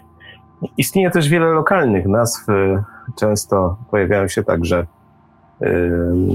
pojawiają się także podobieństwa w, w cechach, jakie, jakie tradycja nadaje tego typu istotom. Do tego, że one występują bardzo bogato na przykład w folklorze rdzennych ludów Ameryki Północnej. Zwraca się uwagę na ich nieuchwytność, na zdolność do znikania, jak i fakt, że są kimś w rodzaju strażników puszczy. Jeżeli idzie o śnieżnych ludzi, to mm, temat ten był traktowany przez y, spore grono osób w ZSRR i późniejszej Rosji dość poważnie. Nazwiska takie jak Porszniew, Bykowa, y, Sapunow y, mówią wiele miłośnikom tematu. To byli ludzie, którzy nie bali się zapuszczać w odległe rejony, gdzie te istoty miały występować. No, te ich ekspedycje miały bardzo różny skutek. Wiemy, że Maja Bykowa zupełnym przypadkiem pewnego razu natknęła się na takiego wielkiego śnieżnego człowieka. Mm, z kolei, z kolei yy, mieliśmy przecież te relacje, kiedy radzieccy badacze pojechali do, Gruzji szukać śladów słynnej Zany. A Zana miała być e, małpoludem, który został przychołubiony do jednego z gospodarstw. No i tak się jakoś złożyło, że Zana wkrótce urodziła mm, półludzkie dzieci. I o dziwo znaleziono tych ludzi, znaleziono potomków domniemanej Zany, ale do tej pory nikt nie jest w stanie odpowiedzieć, czy była to po prostu dzika kobieta, e, wspomniany przez ciebie Arku Aumas, czy też po prostu niewolnica pochodzenia e, afrykańskiego, dlatego że to jest jedna z wytłumaczeń tego, mm, tego fenomenu. Co do Sapunowa, o którym mówiłem, to lata temu nakładem wydawnictwa KOS z Katowic ukazała się jego książka Między człowiekiem a zwierzęciem, w której podsumował stan wiedzy na temat e, tych dziwnych stworzeń oraz najciekawsze przypadki. Mm, Sapunow podchodził do śnieżnych ludzi w taki typowo naukowy sposób, chociaż e, bardziej zwracał uwagę na jakieś pokrewieństwo z neandertalczykami, co raczej chyba dzisiaj już jest kwestionowane. Mm, uznawał, że to są spokrewnione z nami ssaki naczelne, które mm, być może mm, tworzą jeden niż, y, więcej niż jeden gatunek y, i zostały zepchnięte po prostu do buszy przez naciskającego na nie homo sapiens. Y, śnieżni ludzie to przede wszystkim są według niego bardzo inteligentne stworzenia. Dysponują też wspomnianymi dodatkowymi zmysłami, które pozwalają im oddziaływać na ludzką psychikę a co jest najważniejsze z takiego punktu widzenia zoologicznego? No fakt, że zdaniem Sapunowa i innych one migrują. Migrują, yy, stronią od ludzi, mają swój habitat, mają swoje środowisko i rzadko, w miarę rzadko nasze szlaki się przecinają. Mm, nie są też do końca przyjazne, chociaż występują w mnogości form, od takich naprawdę potężnych istot po dużo, dużo mniejsze, przypominające po prostu um, trochę większe małpki. E, istnieje kilka ciekawych relacji, które, na które uwagę zwrócił innymi Ivelios, e, o śnieżnych ludziach na terenach e, dawnych ziem polskich. Mm. I tutaj jest pewien problem, dlatego że, mm, że często są to źródła pochodzące ze Związku Radzieckiego, wiecie, jak tam traktowano, traktowano fakty. Natomiast te wszystkie legendy o, o leśnych ludziach, o leśnym lichu, o których mówiłem, no rzeczywiście były swego czasu bardzo powszechne. Mm. Kiedy czytamy te relacje, y, to tak czasami przebiega nam po skórze dreszcz. Przytoczę tutaj jedną z takich historii, którą zresztą wygrzebał skąd Velios. Pochodzi z roku 1926 z Krakowca. To jest y, ówczesne województwo lwowskie a dziś to jest miejscowość na granicy z e, Rzeczpospolitą. Tutaj Roman Mielnik, mieszkaniec Lwowa, e, raportował, że jego dziadek w owym roku 1926 zobaczył, zobaczył stworzenie podobne do małpy o wzroście do 150 cm wzrostu, którego całe ciało pokryte było czarnym futrem. Niestety brak dalszych informacji. Samo źródło, czyli Interesna Gazeta, też nie jest jakimś wybitnie interesującym, wybitnie wiarygodnym, mm, wiarygodnym publikatorem. No ale panowie, y, jeżeli mówimy o tych potencjalnych Bigfootach na ziemiach polskich, jeżeli one się tam gdzieś zagnieździły w tych pradawnych słowiańskich puszczach i nasi, nasi przodkowie je spotykali, no to co się mogło z nimi stać? No mogły wymrzeć, mogły wyemigrować. Ale prawda jest taka, Marku, że jeżeli analizujemy sobie historyczne doniesienia, to też nie jest tak, że te egzotyczne zwierzęta, nawet czasami bardzo egzotyczne, były czymś rzadkim na, na obszarze Polski, dlatego że magnateria, tworząc sobie różnego rodzaju zwierzyńce i menażerie, czasami sprowadzała do Polski no, mm, całkiem, całkiem afrykańskie bestie. To prawda i, i jeśli mm, odwołamy się na początku do naszych czasów, to co jakiś czas dochodzą do nas e, różnego rodzaju takie doniesienia o tym, a że to kangur uciekł, a może struś uciekł, a może jakaś świnka gdzieś prysnęła. W związku z tym e, w tej Rzeczpospolitej rozległej, w której rzeczywiście magnateria sprowadzała różnego rodzaju stwory, to te zwierzątka również mogły mm, pryskać z tych, z tych miejsc, w których były, w których były osadzone. No jak już prysnęły, to część z nich przeżywała, gdzieś tam sobie buszowała po lesie i stąd mogły się brać te wszystkie doniesienia o, o, o dziwnych stworach, czy też konkretnie o tych Bigfootach, no ale mówię, to równie dobrze takiemu szlachciurze, no przyznać trzeba, żeby jakiemuś bogatszemu mógł spierdzielić krokodyl i póki tam, czy jakiś inny stwór, no ale powie, zostańmy przy krokodylu i póki gdzieś go tam mróz nie wykończył, yy, no to on mógł spokojnie za smoka na przykład robić. A jeśli chodzi o różnego rodzaju małpy, większe, mniejsze i, i całkiem duże, to również było duże, pole do popisu. I zauważmy, jeśli się tak mm, wgryźć w temat, e, to nawet sięgnijcie Państwo e, po takie najlepiej dostępne, najszybciej dostępne źródło, czyli, e, czyli stronę paranormalium.pl. Tu Ivelios zgromadził naprawdę sporo tak, tego rodzaju doniesień. To zauważmy, że im głębiej w historię, tych doniesień jest naprawdę sporo z XVIII wieku, z XVI wieku.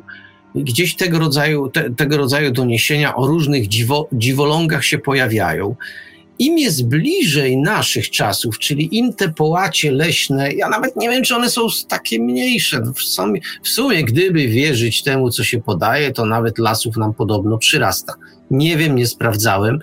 Y, natomiast to są jednak lasy, które mają, to aż brzmi okropnie, charakter y, przemysłowy, czyli po prostu są wysadzane, znaczy źle słowo, wysadzane to jakby w powietrze wylatywały. W każdym razie sadzi się je, i, i, i później uprawia, a później ścina i wykorzystuje. W związku z tym to chyba nie jest najlepsze miejsce. Nawet jeśli są duże obszary, obszary leśne, to to chyba nie jest najlepsze siedlisko dla takich takich stworów, które chciałyby jednak, y, wynika przynajmniej ze sposobu ich życia, świętego spokoju, a i od ludzi trzymają się dosyć daleko, dosyć, dosyć daleko. Poza tym, ja wiem, no, jakoś tak mi ten, ta, ta, Polska jednak do takich typowych stworów, które gdzieś tu się kręcą, nie pasuje. Natomiast znowu ten, ten przykład z uciekającymi zwierzakami, mm, ta, ta, te historie, które się jakiś czas temu pojawiały o tych zbiegłych pumach, no przecież to poruszało pół Polski. Szukano, szukano, znajdywano, fotografowano, śledzono i po prostu afera na całą Polskę. E, wydawała się prawdopodobna. W związku z tym ta, te historie z małpami różnego rodzaju również są prawdopodobne.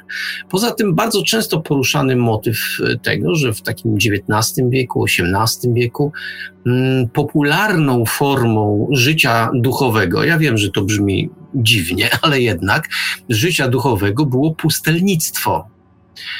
E, owszem, było takie zinstytucjonalizowane pustelnictwo, pustelnik sobie tam gdzieś żył, nawet go ludzie, e, pomimo że był pustelnikiem, odwiedzali, bo to święty mąż, ale byli też tacy pustelnicy z powołania, którzy gdzieś tam się oddalali od cywilizacji i żyli sobie tak na pół dziko.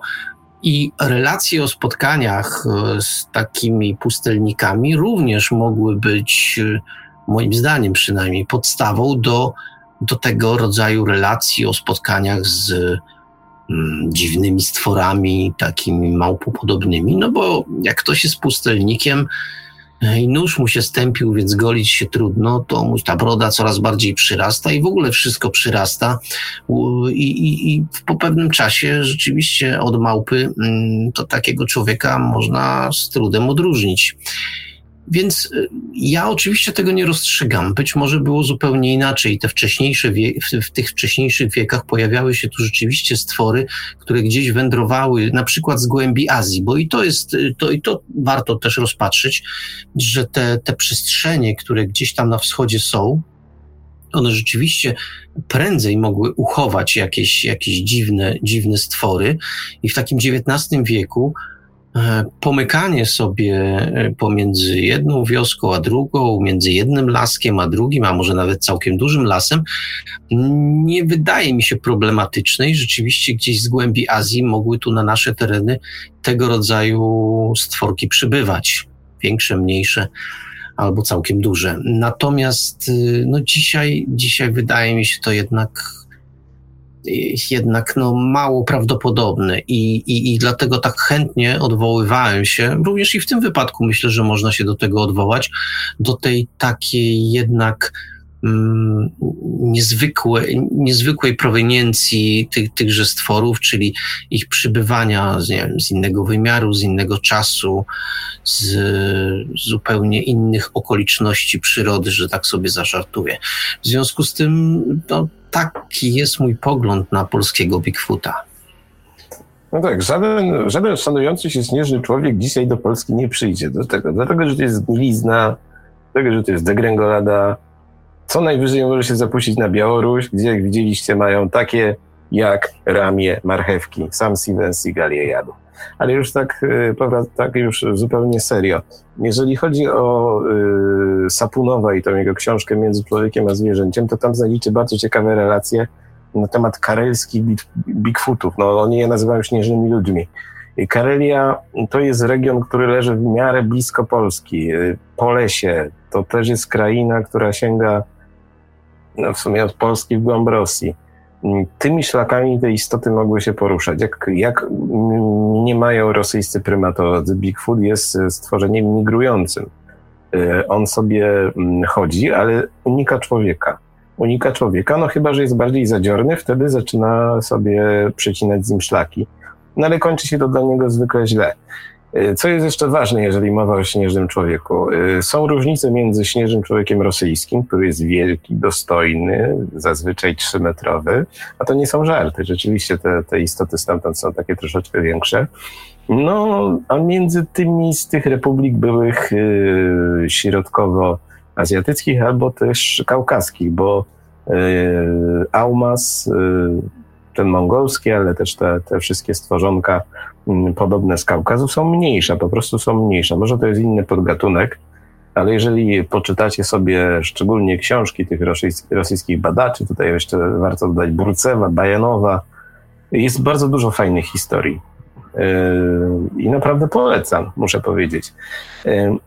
Pytanie, czy te istoty mogły zawędrować do nas, a może one po prostu były elementem naszej yy, fauny, takim stałym, który który był tu obecny, ale został przetrzebiony i zniknął. O tym też trzeba, trzeba powiedzieć. Ale chcę wam przytoczyć pewną historię z roku, już mówię, mm, z roku, z roku. W każdym razie z niedawna, niestety nie mam tutaj daty. To jest jedna z historii, o której do mnie, o której do mnie napisał świadek. Miało to miejsce we wschodniej części województwa kieleckiego, y, gdzie spotkano się z tego typu stworkiem. Ale nim do tego przejdziemy, mm, Arku, jak ty podchodzisz do tych relacji o polskim Bigfoocie? Czy, czy, czy to ma sens w ogóle? No oczywiście, że, że ma sens. Tak jak tu powiedzieliście, e, Polska ma połączenie leśne z olbrzymimi połaciami mm, niezaludnionych praktycznie miejsc w Azji, a każde zwierzę migruje i, i a Polska jest akurat na, w takim miejscu, gdzie E, na takim właśnie szlaku migracyjnym, także nie jest wcale, a tym bardziej była wcześniej, nie jest wcale nic dziwnego w tym, że pojawiają się u nas co jakiś czas, bo w dalszym ciągu pojawiają się jakieś zwierzęta, które mm, same e, wymigrowały na północ e, i to nie jest nic, niczym dziwnym. oprócz tego, tak jak Marek wspomniał, dochodzi jeszcze ta właśnie E, taka e, wymuszona migracja przez ludzi możnych, którzy traktują to jako e, założenie swojego własnego zoo, jako, jako hobby i takie mm, tego typu rzeczy. No jeżeli popatrzymy na Gdańsk, to ma tam bardzo dużo lwów, chociaż lwy raczej po Gdańsku chodziły może dawno temu i to jeszcze jaskiniowe. E, jest niedaleko naszej granicy miasto Lwów w ogóle, e, więc bez, nazwane na pewno nie bez e, jakiejś tam kozery, coś musiało być, że, że, że powstało. Nawet nie wiem dlaczego, dlaczego tam się tak akurat nazywa. Zwłaszcza, że niedaleko tego są miasta Bóbr, są niedaleko Lwowa, czy tutaj u nas, gdzie są miasta, których herbami są, e, w herbach są zwierzęta, no takie ogólnie znane. Niekoniecznie trzeba sięgać zaraz do, e, do właśnie zwierząt z e, dalekiego południa. Więc to nie jest tak, że, że u nas się nic nie działo i tutaj mamy tylko sarenki, jelonki i wilki. Rzymianie też raczej do nas nic takiego nie przynosili, dlatego że charakterze lwów oczywiście, dlatego że symbolem Rzymu były wilki, wilczyca i, i, i e, bardziej chodzili ubrani e, w skórę wilka niż, niż lwa, e, więc to też tak troszeczkę niekoniecznie musi wyglądać. U nas, owszem, mamy to przetrzebione, przetrzebione zwierzęta są, nie mamy tutaj na północy w Polsce obecnej E, niedźwiedzi, ale już na Litwie, czy tam dalej, bardziej na północ, już niedźwiedzie występują i wcale nie jest powiedziane, że taki niedźwiadek nie może sobie wybrać się na, w podróż e, na jego południowy zachód, czyli odwiedzić nasze Polesie, czy tam jakieś tam jeszcze inne Białostocczyznę. Więc tak też może być. No w tej chwili to mam chyba płot, ale no, gdy tego płotu jeszcze nie było, na dobrą sprawę można było.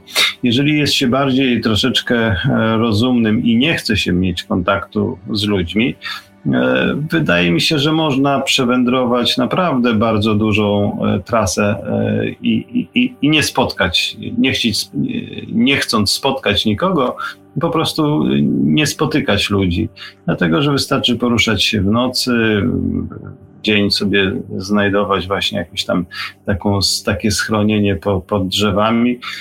Więc to nie jest tak, że, że, że, że się nie da po prostu. E, no, przy pewnej, przy pewnej do, znajomości lasu i pewnej dozie szczęścia na pewno coś się taki, takiego znajduje, a jeżeli gdzieś tam jest populacja, e, populacja śnieżnych ludzi, o których przez cały czas e, mówią ci, którzy e, zwiedzają Autaj, e, no to e, należy się spodziewać, że kiedyś na pewno były. Natomiast e, z tego co pamiętam, było takie mm, doniesienie, znaczy doniesienie, no ciężko powiedzieć doniesienie, taki incydent podczas wojny domowej bolszewickiej, gdzie właśnie bolszewicy e, zobaczyli gdzieś tam w jaskiniach e, właśnie tych takich ludzi owłosionych powiedzmy. No i zagrało im właśnie to, że na, na, na honorze, że po prostu wszystkich ich tak długo strzelali z CKM, aż się one tam bardzo mocno rozgrzały, a po tych ludziach wszystkich ich zabili, uznając, że po prostu tam schowali się biali. Więc takie też doniesienia były i no, w tym wypadku raczej jestem skłonny uwierzyć, że coś takiego miało miejsce. Dziękuję. Bigfoot ogólnie to jest bardzo ciekawy temat i będziemy go rozkładać na czynniki pierwsze, chyba jednak w czasie debaty ufologicznej. Dlaczego ufologicznej? Dlatego, że postanowiliśmy rozprawić się z takim długoletnim mitem, nie wiem czy mitem w sumie, bo to jest tak naprawdę bardzo ciekawa teoria, ale jakoś tak się wzbraniałem rękami i nogami od podejmowania jej w Radzie Paranormalium. Chodzi o temat Bigfoot a UFO to wszystko jest bardziej y, połączone niż nam się wydaje. W każdym razie, panowie, y, miałem to wam przeczytać historię, to wam przeczytam. To przyszło do mnie kilka lat temu, czyli to może być, y, to jest na pewno ubiegła dekada. Wschodnia część województwa świętokrzyskiego, mm, pan K. Borodo pisze nam o takim spotkaniu z owłosioną dziwną istotą. Mm, stałem się świadkiem ucieczki humanoidalnej postaci. Było ze mną sześć osób, dwie mocno to przeżyły, ponieważ postać ta uciekała przed nami, e, będąc dosłownie metr od nas. Dźwięki, jakie wydawała, podobne były do ludzkiego chrapania. Była to postać cicha, dwunożna, o długim, około 10-centymetrowym owłosieniu, wzroście około 150 centymetrów, z normalną ludzką głową, z, przepraszam, z normalną ludzką budową, bez widocznej twarzy. Pisząc cicha, mam na myśli postawę tej postaci, Y, która chyba nas się bała. Nie szukała kontaktu, a wręcz go unikała. Raz na jakiś czas polscy badacze otrzymują tego typu relacje. Jak do tego podejść? Co to mogło być? Jak interpretować takie historie?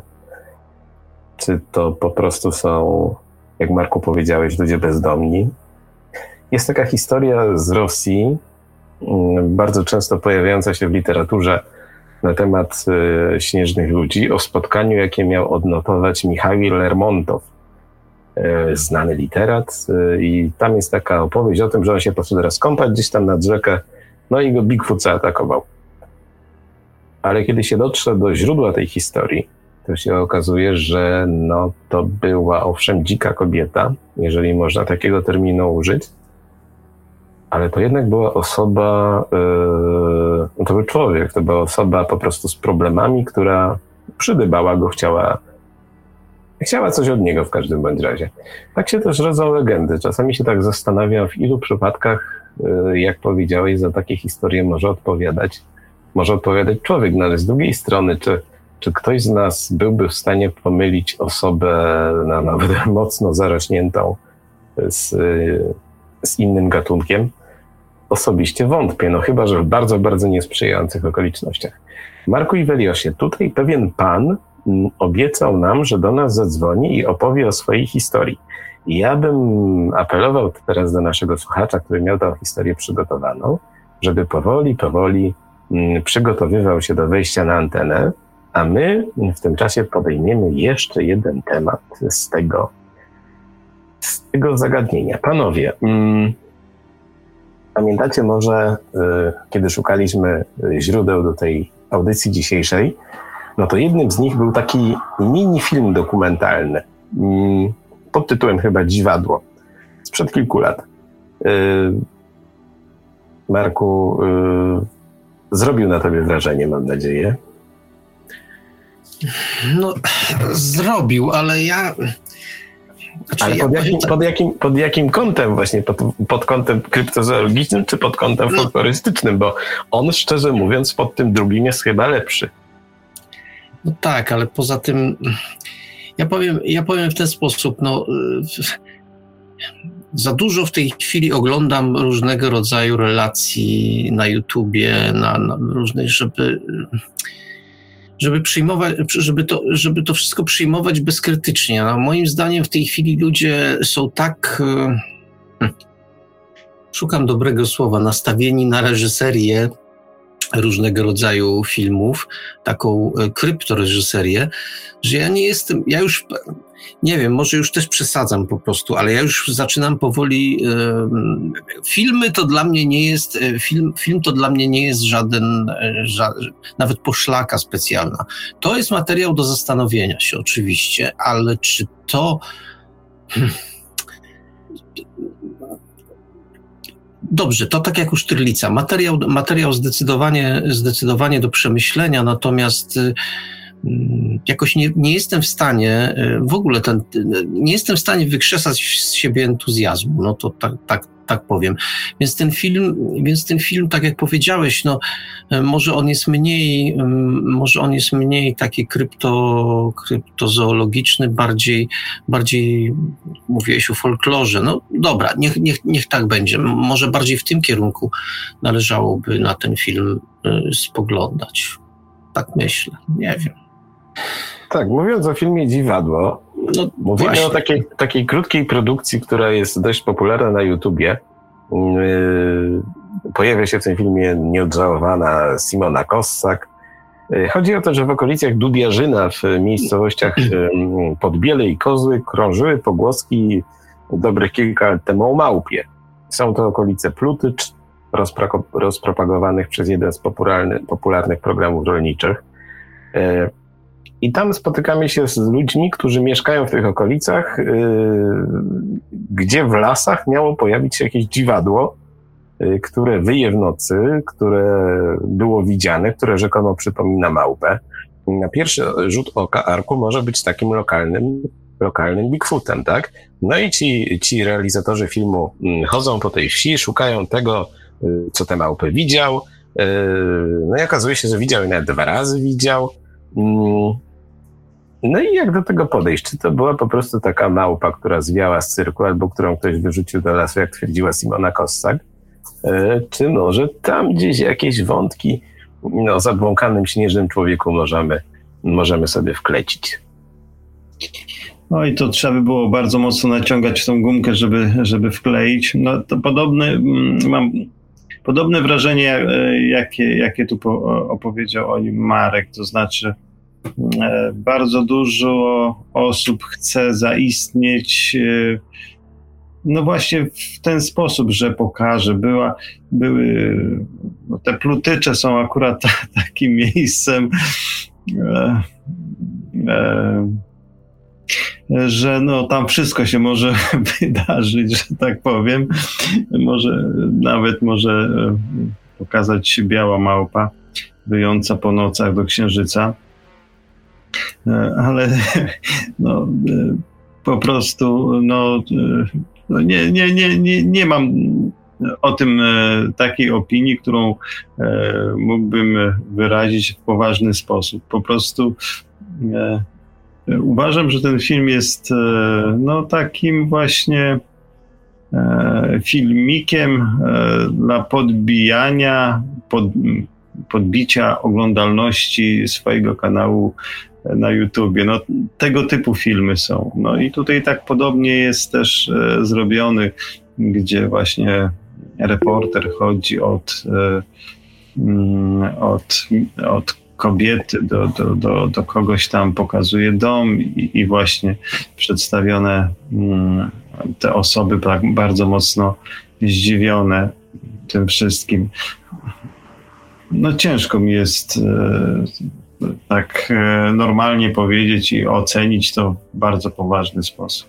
No tak, ale jeżeli sobie zobaczycie ten filmik na YouTubie, nazywa się Dziwadło, mm, rzecz się dzieje na, na zaraz Marku oddam głos, rzecz się dzieje na Podlasiu, rzeczywiście jakieś dziwne zwierzę się pojawia, typowa, typowa kryptozoologiczna historia, yy, no i przyjeżdża ekipa, to jest, to jest reportażyk, to nie jest film E,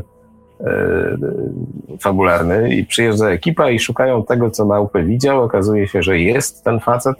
No on tak nie za bardzo chce o tym opowiadać, no ale co mnie Marku dziwi na przykład, że tam wszyscy to są dość sceptyczni, że niby się coś dzieje, ale tak wszyscy raczej oscylują, że to nie, tam jakiś potwór, jakaś małpa po prostu, no i, i, I, mimo wszystko, nawet gdyby, to jest taka, wiesz, refleksja może trochę dalsza, ale chodzi o to, nawet jeżeli się pojawi jakieś dziwne stworzenie, to nawet ludzie y, zamieszkujący głęboką prowincję, y, mający kontakt z naturą, zawsze będą próbowali racjonalizować.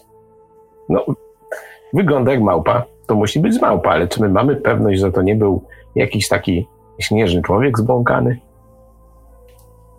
Ja powiem w ten sposób, że mm, ja jednak odnoszę wrażenie, że ten film był dosyć starannie wyreżyserowany i nawet to, o czym powiedziałeś, czyli ten sceptycyzm, e, no nic tak bardzo nie podbija zaciekawienie, a jak, no, gdyby zrobiono film, o, to tam się ukazał, powiedzmy, stwór, którego musimy wyśledzić, to na pewno jakaś big, jakiś Bigfoot był i tak dalej, i ci ludzie by mówili, tak, tak, panie, to Bigfoot był na pewno, to już film byłby kompletnie niewiarygodny. W związku z tym ci ludzie... No, ale zawsze... oni, oni, oni nie znają pojęcia Bigfoot. No więc właśnie o tym mówię. Właśnie wtedy byłby niewiarygodny, wtedy byłoby śmiesznie. Więc jakbym był reżyserem takiego filmu albo scenarzystą, nawet takim kryptoscenarzystą, to bym go właśnie w tym kierunku prowadził, że oni nic nie wiedzą, to panie małpa pewno była i to i wszystko. Co więcej, ja mam tutaj, to oczywiście nie jest dowód wprost, ale w swoim czasie y, dosyć mocno współpracowałem z takim miesięcznikiem, e, który się zajmował literaturą. To było y, science fiction, fantasy and horror. I tam znany Państwu zapewne obił się o uszy Łukasz Orbitowski, wtedy jeszcze zajmujący się mocno fantastyką naukową i nie tylko naukową, w ogóle fantastyką, pisał taki cykl mm, właśnie wyssanych z palca reportaży o rzeczach niesamowitych. Ja pamiętam, że w swojej był taki jeden reportaż o widmie czołgu krążącego bodajże po Dolnym Śląsku, ale to, to już nie pamiętam. I to był tak rasowo skomponowany reportaż. Tak jak się reportaż y, montuje, czyli są zeznania świadków y, naocznych, którzy widzieli to widmo czołgu, chyba niemieckiego. Y, są jakieś tam spotkania z psychologami, z pełni taki profesjonalnie zrobiony reportaż, który jak to bardzo szybko ogłoszono, był jedną wielką blagą, zrobioną tylko, żeby pokazać, jak można, jak daleko można pójść w kreacji pewnej rzeczywistości. Skoro mógł to zrobić Łukasz Orbitowski w postaci reportażu pisanego, to moim zdaniem nic nie stoi na przeszkodzie. Jeśli ktoś ma odrobinę warsztatu, takiego związanego z reporterką, no to taki reportaż e, skręci bez najmniejszego problemu. Co więcej, będzie szedł krok do przodu i będzie uwzględniał to, że jeśli zrobi coś zbyt perfekcyjnie, to będzie podejrzane. Jeśli tam ci ludzie będą zbyt entuzjastyczni, to też będzie podejrzanie, podejrzane. W związku z tym, no no stąd się bierze to, to moje, to moje pierwsze oświadczenie, że ja już chyba nawet w, w filmy nie wierzę. Nawet jakby tę małpę pokazali, jak ona tam nic innego nie robi, tylko wy, a nawet gada do tego księżyca, to też bym nie uwierzył. Ale okej, okay, no, powiedzmy, mój sceptycyzm nie musi być przecież zaraźliwy, wręcz przeciwnie. E, jeśli, jeśli się pojawią osoby, które, które powiedzą, że no, może przesadzam, to również z pokorą to przyjmę. Moim zdaniem te wydarzenia miały miejsce, tylko nie wiemy, co było ich przyczyną. I tam jest pokazana no nie byle, nie byle jaka postać Simona Costa, która komentuje to w sposób również sceptyczny, że nie jest powiedziane, że to po prostu był jakiś małpiszon, który został wywalony do lasu, bo nie miał papierów, nie dało się go sprzedać, no i po prostu tam został. A takie historie mm, czasami nawet, jeżeli się... Ja, ja pamiętam taką opowieść gdzieś sprzed chyba kilku lat, może pięciu, w województwie opolskim to są lasy nad Pizwartą tak zwane. E, to jest tam całkiem niedaleko mnie. Mm, doszło latem do obserwacji jakiejś dziwnej postaci. Ta postać miała chodzić po lesie. Tam w sumie nikt nic nie wiedział, nikt nic nie widział, bo nikt tego nie zgłębiał. Pojawiały się jakieś relacje w necie. E, no ale też coś na pograniczu wymarłej miejskiej legendy i, i, takiej letniej opowieści. Ja myślę, że nie do końca u nas jest tak, jak jest w Stanach Zjednoczonych, że jeżeli na mm, prowincji pojawia się jakaś dziwna historia, to że ludzie od razu chcą ją rozwijać, tak? Że u nas się pojawiło coś dziwnego, to a weźmy to spieniężmy, tak? Y, niestety w Stanach Zjednoczonych jest tak, że jeżeli jest coś dziwnego, no to zaraz macie mm, milion ludzi, którzy coś mówili, którzy coś widzieli, budują sobie wokół tego bardzo fajne historie. No, w Polsce jest już, jest już różnie. Y, Arku, takim dobrym dowodem chyba będzie Jan Wolski. Bo to też nie było tak, że w Emilcinie tylko Jan Wolski coś, no może no coś widział, wiadomo, ale coś słyszał, byli ludzie i to nawet sam Blania Bolner pisał, że coś, coś słyszeli, może nawet coś widzieli, tylko po prostu nie chcieli o tym mówić, bo tego było za dużo. U nas ludzie do dziwnych rzeczy, dziwnych zjawisk podchodzą w sposób zupełnie inny niż, niż no, w, tej, w tej rzeczonej Ameryce. E, dokładnie tak jak powiedziałeś. E, u nas naprawdę bardzo rzadko się spotyka osoby, które wymyślają coś i chcą na tym zarobić i buduje się dookoła i są w stanie wybudować dookoła tego e, całą historię taką, żeby zaistnieć e, w prasie, radiu i telewizji, no bo to o to głównie chodzi, a później to informacje opisać w książce i to mm, bardzo fajnie spieniężyć. Być może że dlatego, że u nas, nie wiem, książki się takie nie, nie, nie, nie sprzedają dobrze, że nie ma takiego powiązania pomiędzy literaturą a e, filmem, kinem, e, takich historii, z, że tak powiem, z życia wziętych, które są sfilmowane w taki sposób, e, że się fajnie to ogląda. Obojętnie, czy jest to miałoby być tragiczne, czy, czy, czy śmieszne, jest tak naprawdę bardzo mało i stąd być może bierze się to, że no po prostu nie ma takiej mm, Mm, takie, takiego połączenia między tym, że e, wymyślę, stworzę historię i na tym dużo zarobię. Najczęściej jest tak, że jeżeli coś mm, stworzę historię, to muszę patrzeć, czy, by, czy, że, czy nie zostanę czasem e, ze społeczności e, poprzez śmiech wyobcowany w ten sposób bardziej. Dlatego E, chwała wszystkim tym, którzy mimo tego, że mimo takiego podejścia społeczeństwa, e, jeżeli już naprawdę coś zobaczą, że o tym powiadamiają tych ludzi, którzy zbierają takie, e, takie informacje. Być może, że te informacje uka ukażą się gdzieś na jakimś blogu, w książce, ale osoby, które to przeżyły i o tym opowiedziały, e, bardzo, bardzo rzadko mają z tego jakąkolwiek korzyść.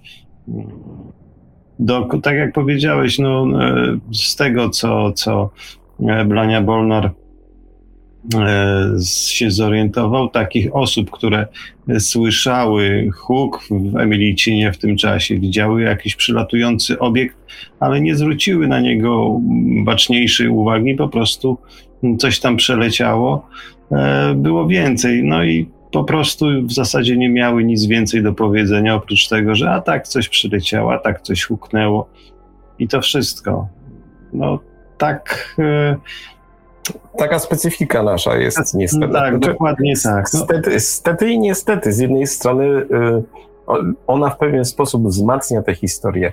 Y, te nawet jednostkowe przypadki, że my coś otrzymujemy i y, ktoś się boi o tym powiedzieć, wstydzi się o tym powiedzieć. Natomiast wydaje mi się, że mm, ten filmik Dziwadło, taki mały reportaż z Podlasia jest naprawdę ciekawy. Coś się tam wydarzyło. To jest takie studium jeżeli już tak podsumowujemy ten temat, to jest takie studium, dlaczego u nas nie ma potworów, takich ogólnonarodowych. U nas się wszystko racjonalizuje. U nas to musi być tak, żeby o naszej wsi nikt źle nie mówił, no bo jak, że tam w Podbielach jakiś potwór żyje i tak dalej, i tak dalej. Natomiast zupełnie inną specyfikę mają Stany Zjednoczone. Weźmy to Point Pleasant, o którym mówię. Mamy tam nie dość, że posąg Motmana, mamy tam festiwal Motmana. U nas tego nie ma. U nas jest we wspomnianym Emilcinie, gdzie przecież e, żaden potwór się w końcu nie objawił, ale miało miejsce najsłynniejsze bliskie spotkanie trzeciego stopnia w PRL-u. Mam pomnik, ale też już chyba nie ma jakichś większych, większych aktywności. Marku i Weliosie, czy no, nasz... Swego, mhm. swego czasu byłem tam na takiej imprezie plenerowej, gdzie dzieci były przemalowane na zielono, tańczyły, były po prostu impreza plenerowa i tak bardzo fajnie to wszystko wyglądało.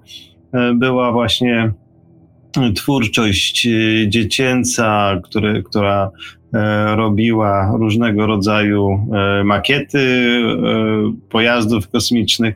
Naprawdę świetna zabawa. Tylko, że to było parę lat temu, jeszcze przed, przed pandemią, dawno, dawno. Niemniej jednak e, to było. I jeżeli weźmiemy pod uwagę same Mylicin, e, że on jest e, no, gdzieś tam powiedzmy na końcu świata, gdzie ciężko jest dojechać, no to naprawdę fajny pomysł, żeby, żeby coś takiego organizować i coś takiego było. Natomiast jeżeli chodzi o inwenty takie ufologiczne, które miały się w Polsce mm, swego czasu się odbywały, w tej chwili też raczej bardziej posłucha jest, więc e, jeżeli ktoś ma jakąś inicjatywę, należy, tak mi się wydaje, bezwzględnie ją wspierać, no bo, bo to nas określa po prostu. Tak, ale to jeżeli już rozgadaliśmy się o tej naturze E, naszego społeczeństwa, to jeszcze o tym będziemy mówić e, na końcu, ale ja wam panowie, jeżeli mówimy o tych polskich Bigfootach, bo wciąż czekamy na telefon naszego świadka, opowiem wam historię, którą znalazłem e, na takim portalu, na takiej, na takiej stronie na Facebooku, nazywa się Myszków i Powiat mm, Prawdziwa Historia. I parę myszkowskich historii, to jest takie miasto w, Dąbro, Zagłębiu Dąbrowskim, opowiedziałem wam w tej audycji na temat, na temat y, folkloru, y, na temat miejskich legend. Y, ale wyobraźcie sobie, że tam jest taka jeszcze jedna dziwna historia. Y, otóż tak, y, na tym profilu pojawiła się, pojawił się cytat z pewnego z pewnego forum jurajskiego. Y, I chodziło o spotkania z małymi ludźmi. Małymi ludźmi y, no, wielkości może dużego psa w porównaniu na, na wysokość. Nie wiem, jak można to przełożyć. Te opowieści pochodziły z, z miejscowości Postaszowice i to jest gmina Niegowa. To są akurat rejony, które są bardzo blisko mnie. Mam tam rodzinę. Moja babcia pochodziła z sąsiedniej miejscowości. Mm, I nagle tam ludzie się rozpisali na tym forum jurajskim o tych dziwnych opowieściach. Ta miejscowość Postoszowice, ona nie jest jakaś szczególnie wielka, jest fajnie położona, bo w takich wąwozach e, jest tam na pewno trudno żyć w zimę. Mm, jest malownicza, e, ale tak z perspektywy innej nic jej nie wyróżniało do tej pory, dla mnie oczywiście, kiedy dowiedziałem się o tej historii na temat niewielkich ludzi. Pozwolę sobie zacytować Wam y, wypowiedź jednego z userów, mm, cytowaną przez ten wspomniany facebookowy portal Myszków y, i powiat Prawdziwa Historia. Cytuję. Gdy dawniej krowy pasali i nocowali na polach przy ognisku, zdarzało się, że zwabieni ogniem przychodzili do nich mali ludzie, nie więksi od dużego psa, Twarze mieli dziwne, nic nie mówili, jak któregoś próbowało się złapać albo kijem uderzyć, to tylko z krzykiem uciekał w ciemność. I podobne postacie miały być widziane w pobliskiej wsi Antolka. To jest może nie takie bezpośrednie sąsiedztwo, ale jest tam naprawdę niedaleko. I od razu na tym portalu, na tym, na tym Facebooku, yy, facebookowym koncie, o którym mówiłem, pojawiły się pytania, no czy te, za tymi legendami mogą stać jakieś realne historie, na przykład, że to były jakieś małpy, które cudem się zagnieździły w okolicach Niegowy, no to mało prawdopodobne mimo wszystko. No ale każda legenda ma jakieś, jakieś, yy, jakieś ziarnko prawdy. Ja na przykład się zacząłem zastanawiać, czy w, w, w, tych historiach e, nie chodzi na przykład o grupę osób, które były w jakiś sposób pokrzywdzone przez los i błąkały się po tych okolicach i mogły, wzią- mogły być wzięte za, te, za, za, za tych niewielkich ludzi.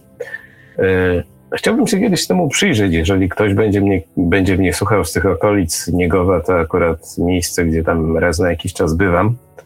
Yy, jeżeli ktoś będzie mnie słuchał z tych okolic, to niech puści jak, jakiś sygnał jakiegoś maila. Yy, czy te historie rzeczywiście mają jakieś ugruntowanie w rzeczywistości? No dlaczego mnie to tak zainteresowało? Dlatego, że moja babcia, jak wam mówiłem, pochodziła z sąsiedniej wsi do tych postaszowic, do tej Antolki, gdzie były widywane te dziwne istoty. I ona mi zawsze opowiadała, jak byłem mały, taką historię o tym, jak to jej babcia została porwana przez owłosione istoty. Ludzie mieli się wtedy wnerwić, pójść odebrać moją pra, prababcię. No i niestety całą populację tych dziwnych, miejscowych istot unieszkodliwić. Mm, może też u Was, w Waszych małych ojczyznach są takie historie. E, ta sytuacja z podlaskim Bigfootem nam pokazuje, że ludzie nie zawsze chcą o tym mówić, dlatego że to jest temat, który jest niewygodny.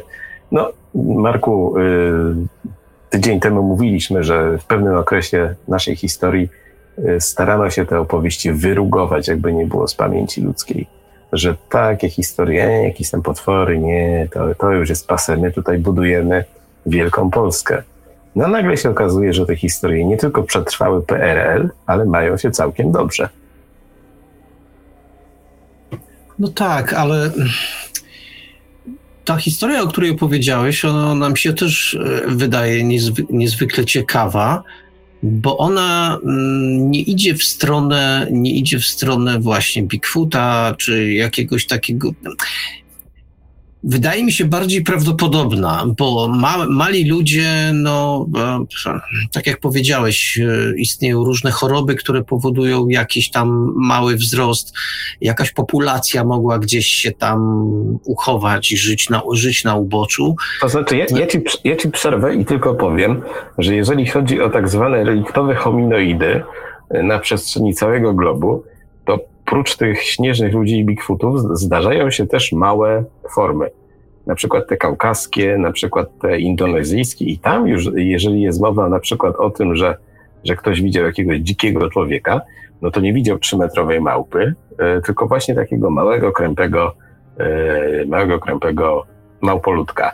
I, I tu mi właśnie zaświtało coś takiego. Czy, e, czy, czy to może mieć jakiś związek z tymi dziwnymi opowieściami, lokalnymi, których tak naprawdę nikt już nie pamięta. No, być może tak, a być może y, rozwiązanie tej zagadki jest no, bardzo proste. No, zwykli ludzie, tylko właśnie jakoś tam w jakiś sposób chorzy. No, zauważmy, że kiedyś gdzieś tam we, we wcześniejszych wiekach popyt na, kiedyś się mówiło, karły, na, był, był spory i taki, tacy ludzie byli. No, są oni są w każdej populacji. Być może jakieś, raczej o tym, to miałem na myśli, i, i że, że, że tacy ludzie się po, po, pojawili.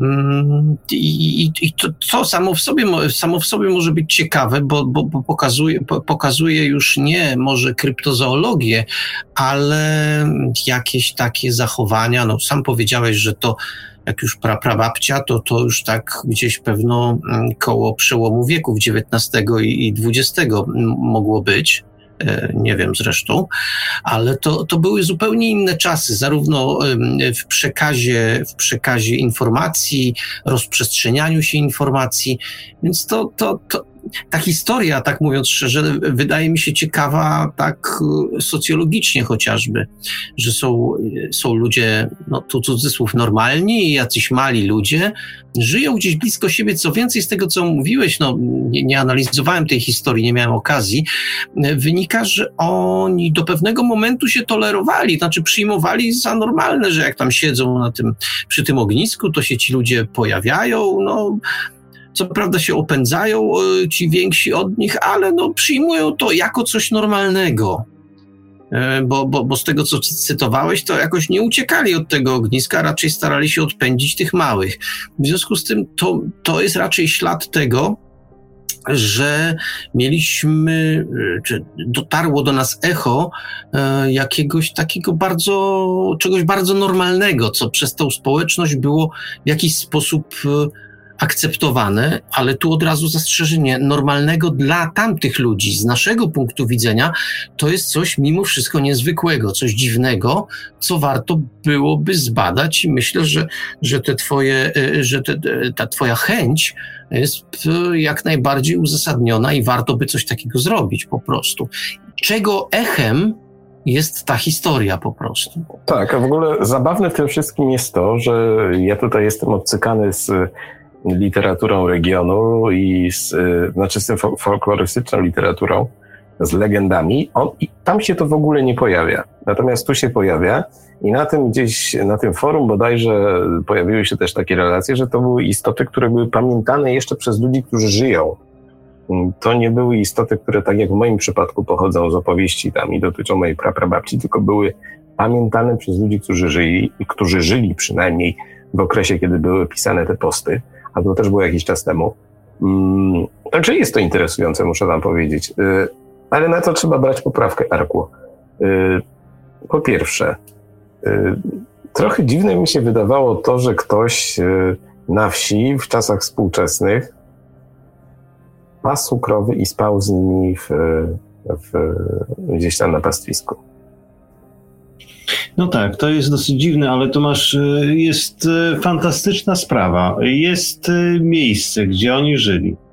Przynajmniej w przybliżeniu. Być może, że można trafić w miejsce, gdzie ci mali ludzie żyli na co dzień. Być może, jeżeli tak doszło do takiego samosądu i, i nie tyle przegonienia ich, a po prostu zabicia, bo tak też mogło być. To znaczy, e, ja, ja, ja, też muszę dodać, że w przypadku tej mojej opowieści to chodziło o trochę większe istoty, ale też e, dzikich ludzi. E, tak to było opisane. I oni mieszkali sobie akurat w. Mm, mieszkali sobie akurat w skałach, mieszkali sobie w jaskiniach i stamtąd mieli przyjść. Natomiast to wszystko się dzieje w obrębie po prostu jednej gminy tak. sąsiednich, sąsiednich miejscowości, gdzie te historie się pojawiają. Ja tak naprawdę nie znam nikogo z tych, y, z tych wsi, kto by mi mógł te opowieści potwierdzić, ale mogę powiedzieć jedno, że do dziś są to dość dzikie tereny. Y, to znaczy się, tam też za bardzo nie ma za dużo lasów. Jeżeli te lasy są, to są w miarę młode. I tam na przykład, jeżeli było uprawiane pasterstwo, y, czy jakiś wypas, a to są też dość wysoko jak na te standardy nasze tutaj położone miejsca i są to strome miejsca, to jestem w stanie uwierzyć, że ktoś mógł się y, po prostu w tych jałowych regionach, na tym jałowym terenie z tą krową na przykład oddalić, żeby ją po prostu no, nakarmić do tego, że, że jak mówię, to jest taki troszeczkę płaskowyż. I, I tak to wygląda. Yy, Arku, dokończ swoją myśl i będziemy chyba dzwonić do świadka. E, chciałem tylko e, na tyle powiedzieć, że jest to fantastyczne, że jest to w sumie nieduże, nieduże miejsce. Relacja całkiem e, jeszcze nie tak dawna, więc można się pokusić o to, żeby odnaleźć miejsce, gdzie te istoty mieszkały, albo przynajmniej gdzie w jakiś sposób zostawiły ślad po, swoim, e, po swojej egzystencji. E, no to jest naprawdę coś, e, coś co, co jest naprawdę bardzo ma z jednej strony bardzo interesujące, a z drugiej strony ma duże szanse na to, żeby faktycznie cokolwiek pokazać w tej dziedzinie właśnie. Tak, i to jest w ogóle premiera tego tematu w, w, w debatach ufologicznych rzadko kiedy poruszałem go do tej pory, ale Marku i Weliosie, czy dzwonimy do świadka? Jak najbardziej. Mam już numer telefonu do naszego słuchacza, który się zgłosił na początku audycji, więc teraz klikam magiczny mhm. przycisk zadzwoń.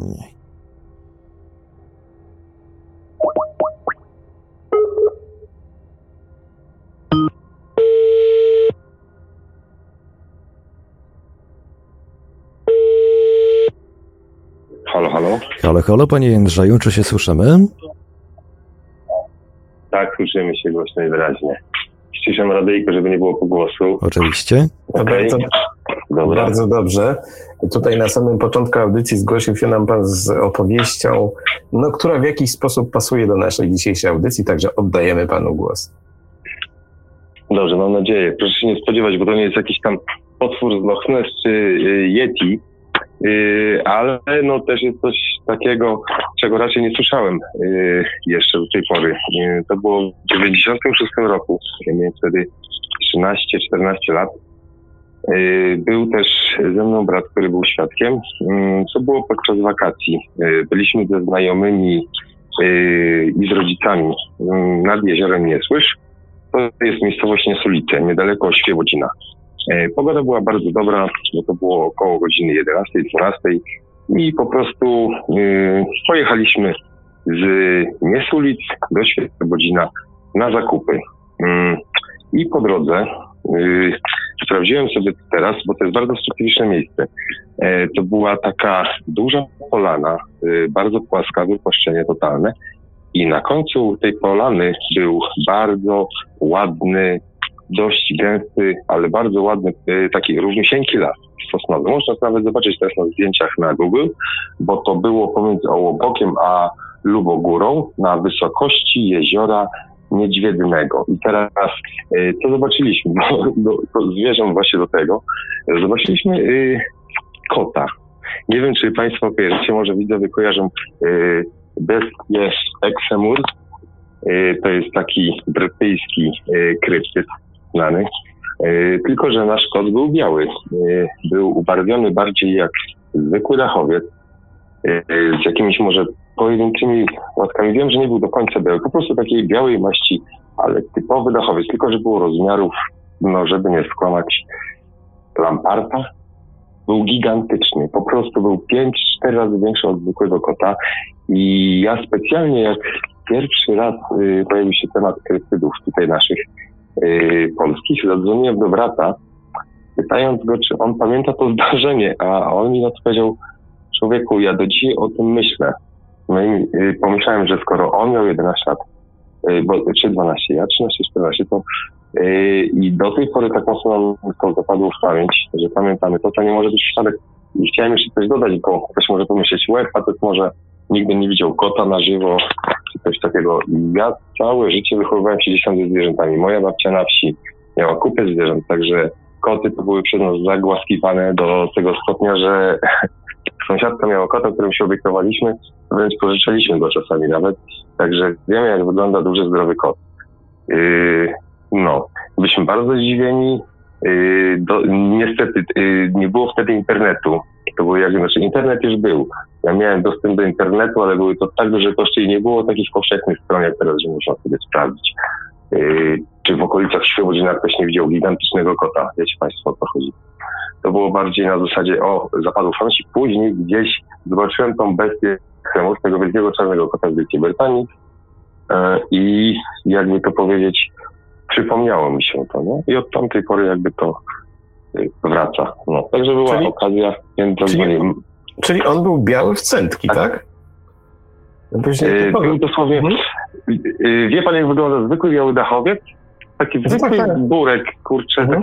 No, dosłownie biały. On ma tam jakieś, nie jest do końca biały, jak jakaś tam pantera śnieżna coś, ale ma takie zanieczyszczenie, jakąś łatkę może mieć, coś takiego, jakiś lekko żółty może mieć końcówkę ogona, coś takiego. Nie potrafię dokładnie tego powiedzieć.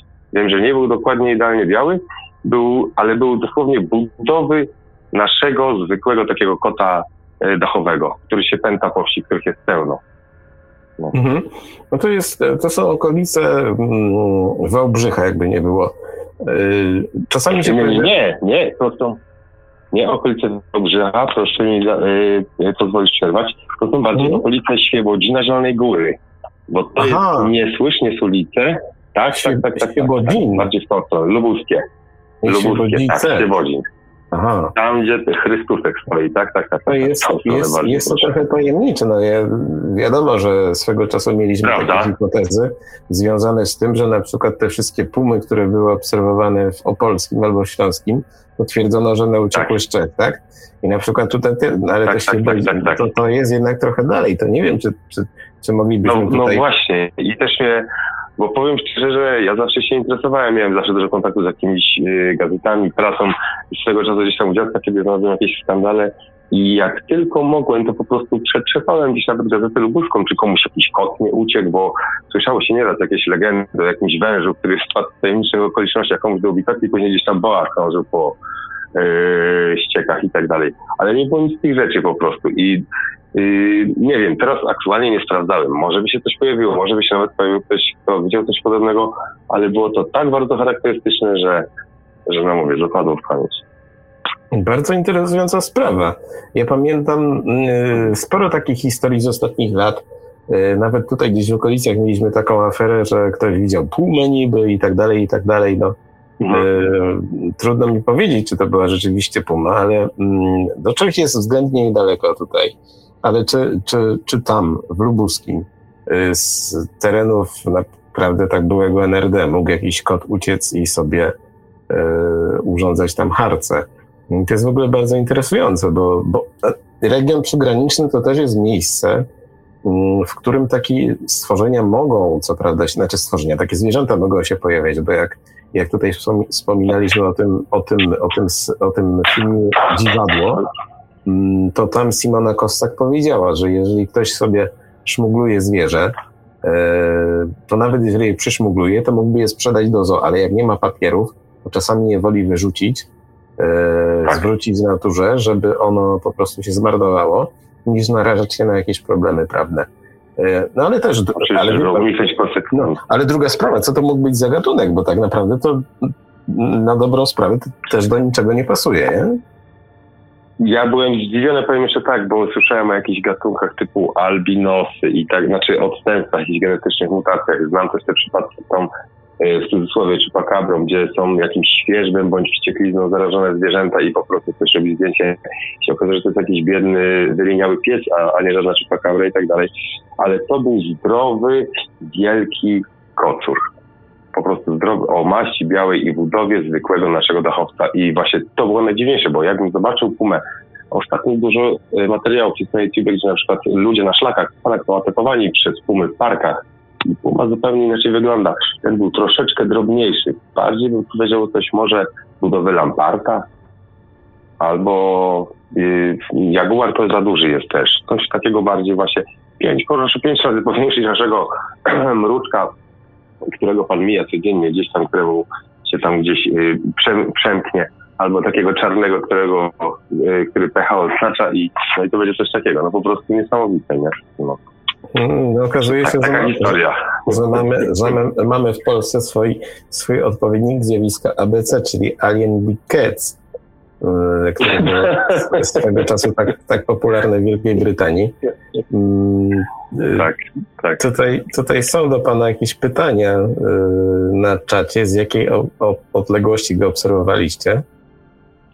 Oj, my przyjeżdżaliśmy trasą. Jakbyście Państwo nawet chcieli sobie w tym momencie sprawdzić, znaczy w tym momencie, ogólnie jak się wpisze na przykład Niesulice Świebodzin na Google i jest droga i będzie miejscowość Ołobok, później Lubogóra, jest bardzo charakterystyczne jezioro Niedźwiedno. I na wysokości tego jeziora jest taki półkolisty, piękny las. Ja widzę, że on mógł się zmienić kształt tego, ja nie twierdzę, że nie, ale proszę zobaczyć, jak duże jest pole, bo to jest pole uprawne i jest wielkie wypoczęcie. I my jadąc wzdłuż tej drogi widzieliśmy, jak ten kot sobie spokojnie szedł krok po kroku, nie słysząc się, spacerował po prostu wzdłuż linii tego lasu. Więc my byliśmy może w odległości, ja wiem, 200 metrów, 300, może trochę bliżej, 100 no, w maksymalnym momencie, jak jechaliśmy a to nie jechaliśmy szybko, bo to yy, droga taka dosyć, ja wiem, nie ekspresowa, że tak powiem, była miejscowościami gdzieś tysiąc się, bo to było blisko, więc może 60 na godzinę 70.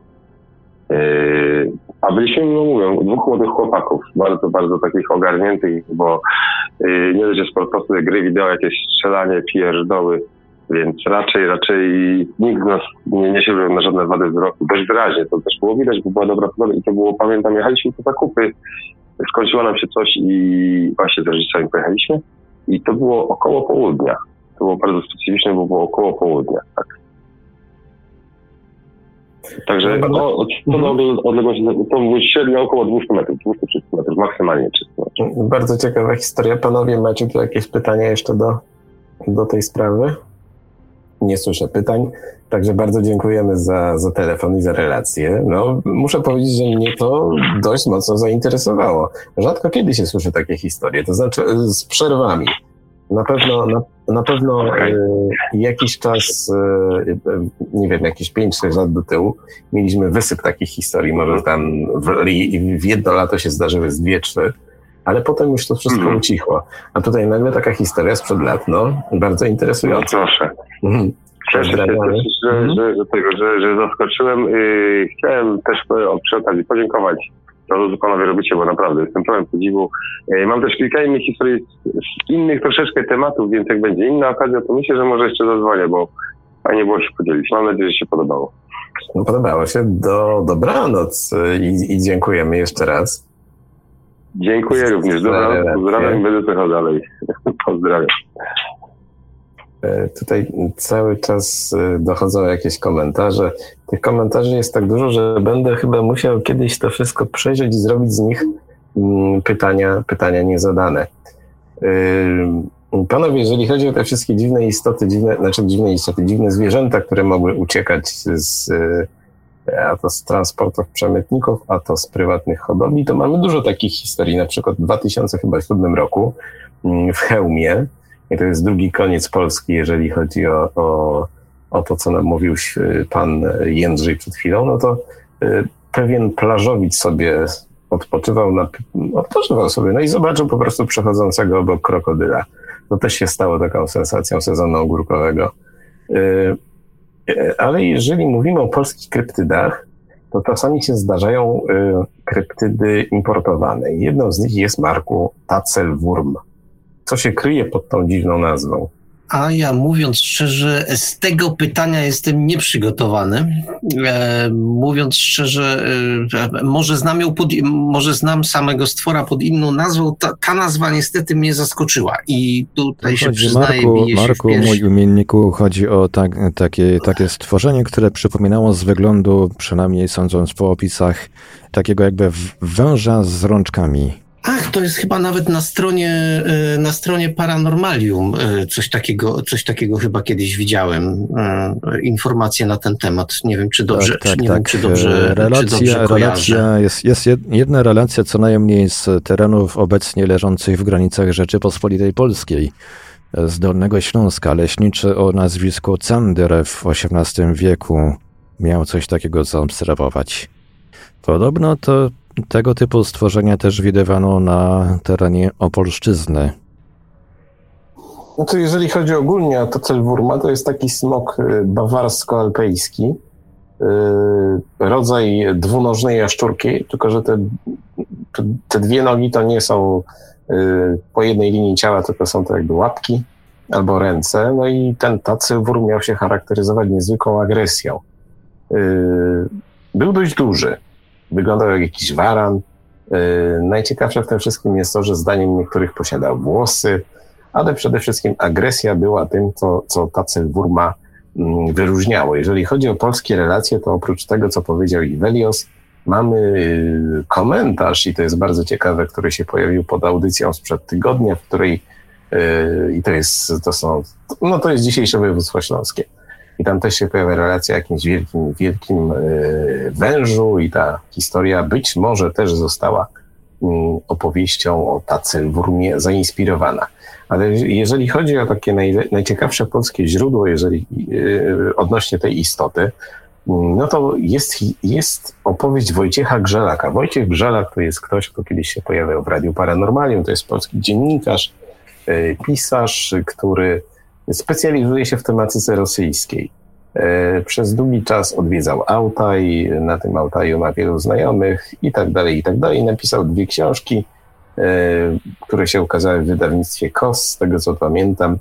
Mm, I on swego czasu, kiedy towarzyszył grupie rosyjskich biznesmenów w pertraktacjach z Austriakami, no od słowa do słowa okazało się, że jeden z tych e, Niemców ma jakąś dziwną historię do opowiedzenia. Okazało się, że tak naprawdę e, jego dziadek spotkał takiego Tacelwurma podczas wyprawy w góry, gdzieś tam, gdzieś tam na Mont Blanc.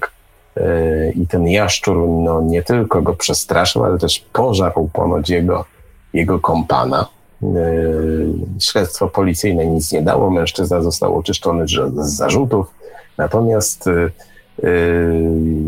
Marku i jeżeli chodzi o te tace murmy, to być może one inspirowały w jakiś sposób te opowieści też polskie, dlatego że yy, wielcy kryptozoolodzy sobie łamali głowy nad pochodzeniem tego stworzenia. Heuvelmans, czyli ten yy, ojciec kryptozoologii twierdził, że być może mamy do czynienia z jakąś jaszczurką z rodziny albo spokrewnioną z herodermami, która kiedyś występowała tutaj w, naszych, w naszym rejonie Europy przynajmniej, a potem zniknęła. E, to nie jest jedyna historia, która się pojawiła w, na serwisie Paranormalium, jeżeli chodzi o te wszystkie dziwne istoty. Mm, mieliśmy też słynną opowieść o istocie, która się nazywała Gedzko. I muszę powiedzieć, że ja miałem kontakt z człowiekiem, który tą, tą historię wypuścił. To był, z tego co pamiętam, mm, potomek Polaków mieszkający za oceanem. I on twierdził, że jego babcia opowiadała o historii, no, wypisz i maluj o Bigfoocie, tak? Tak, ja, na, ja próbowałem sobie, e, próbowałem odnaleźć jakieś informacje dodatkowe, które mogłyby się przydać do dzisiejszej audycji i do, trafiłem na wzmiankę, że gecko to jest słowo pochodzące z języka ukraińskiego, oznaczające czorta. To już y, daje pewną wskazówkę, gdzie ten osobnik mógł, w jakich terenach mógł y, bytować. No to bardzo ciekawe, muszę powiedzieć. Pierwszy raz y, o czymś takim słyszę, bo ta pierwotna opowieść nam mówiła o tym, że ten stwór grasował gdzieś na Pomorzu, tak? Ale potem taką znaczy, drugą to był, dedukcji... To był, to był efekt takich moich domysłów, co ta nazwa, mhm. czym te, co ta nazwa tak właściwie mogła oznaczać, bo użytkownik, e, u którego e, znalazłem, który był autorem tej pierwotnej relacji, użytkownik serwisu cryptozoology.com użył, e, próbując podać nazwę miejscowości, no prawdopodobnie nie wiedział jak to się zapisuje, więc e, napisał Orunkia.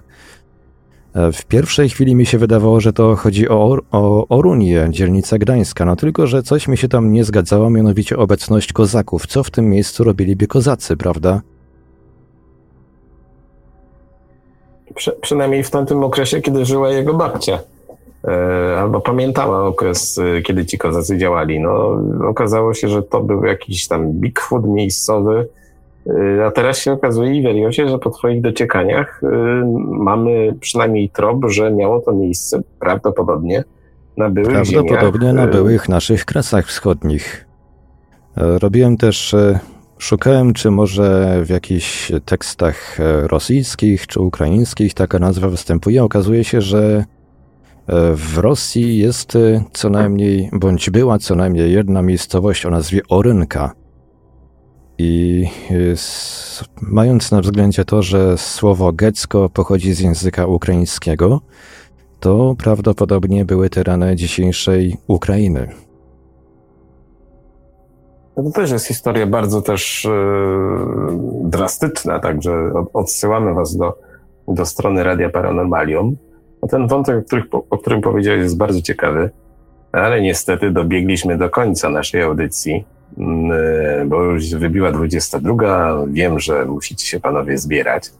E, gdyby ktoś chciał jeszcze do nas zadzwonić, opowiedzieć jakąś swoją historię, podzielić się swoimi wnioskami, to, to zapraszamy. Przez kilka minut ta linia będzie jeszcze otwarta. E, także kontaktujcie się z Iveriosem, ewentualnie dzwońcie pod numer Mm, który macie podany w naszych tutaj, e, w naszych tutaj wszystkich e, danych kontaktowych. Ja ten numer właśnie wyświetliłem na, na YouTube. 32 746 0008 32 746 0008 bądź skype radio.paranormalium.pl Ja tylko dodam tak z kronikarskiego obowiązku, że za tydzień yy, zajmiemy się teoriami spiskowymi wokół Rosji i Putina i cudownych broni, które mają stworzyć Rosjanie, ale nie tylko. Także słuchajcie nas i przysyłajcie nam swoje pytania. Jeżeli macie jakieś historie związane z y, potworami, z kryptydami i tak dalej, i tak to oczywiście możecie się z nami kontaktować. Y, panowie, no dziękuję wam serdecznie po raz kolejny, że e, braliście udział w dzisiejszej audycji. Naszymi gośćmi byli Marek Żelkowski, a Marku, no przecież. A słyszymy się w piątek i w piątek też będziemy znowu dyskutowali o potworach, a przynajmniej o takim jednym wybitnym. No tak, to, e, to może, no chociaż jakby tak podciągnąć definicję kryptydy, to, to też właściwie w określonych warunkach była taka kryptyda, tylko nieziemska, taka, taki, taki, taki, taka skamielina troszeczkę z, inny, z innej planety, no bo będziemy mówić o ksenomorfie i jego kuzynach rozmaitych. Piotr już nawet w ostatniej audycji mówił o tym, że ten ksenomorf to, hmm, e, nam się wydaje, że to był jeden taki z paszczą taką która mu się wysuwała i w ogóle z taką czachą wielką i błyszczący i w ogóle straszny i groźny, który miał kwas zamiast krwi i wszystko to niby wiemy i no, zawsze jaki ksenomorf jest, y, każdy wie. No okazuje się, że to nie jest wcale takie oczywiste, że, że tych ksenomorfów no, jeśli ktoś dobrze śledził serię, to wie, że się zaczęło ich mnożyć, a w związku z tym, że, mm, że cykl czy też e, uniwersum, jak to się mawia, stał się popularny i zaczęły się mnożyć nie tylko filmy, ale też e, powieści, bo i są i powieści, i zarówno te e, głównonurtowe, jak i takie pisane troszeczkę obok, obok tej głównej historii. Są gry oczywiście, są różnego rodzaju nawiązania do, do, do historii ksenomorfa, no to tych ksenomorfów nam się troszeczkę namnożyło, stąd ci kuzyni ksenomorfa, Piotrze. Tak, kuzyni ksenomorfa, prócz tych 150 bliskich, postaramy się opowiedzieć o kilku innych. E, zapraszam też na poprzednie wydania Bibliotekarium, tam znajdziecie cykl pod tytułem Filmotekarium, w którym omawialiśmy te gorsze i lepsze filmy. E, I młodsze, i starsze, i w ogóle polecam. Pamiętajcie, że bibliotekarium znajdziecie, jeżeli chodzi o audycję archiwalną, na e, kanale Radia Paranormalium. Jeżeli chcecie e, być zaskoczeni, to oczywiście słuchajcie o 20 w piątki, e, także w tym miejscu. Także do usłyszenia, Marku. Do usłyszenia, dobranoc. Arku, dziękuję Ci również bardzo. Jakieś trzy słowa na koniec podsumowania naszego tematu polskie potwory, które nam się tak strasznie rozciągną na cztery, a w sumie nawet pięć godzin chyba.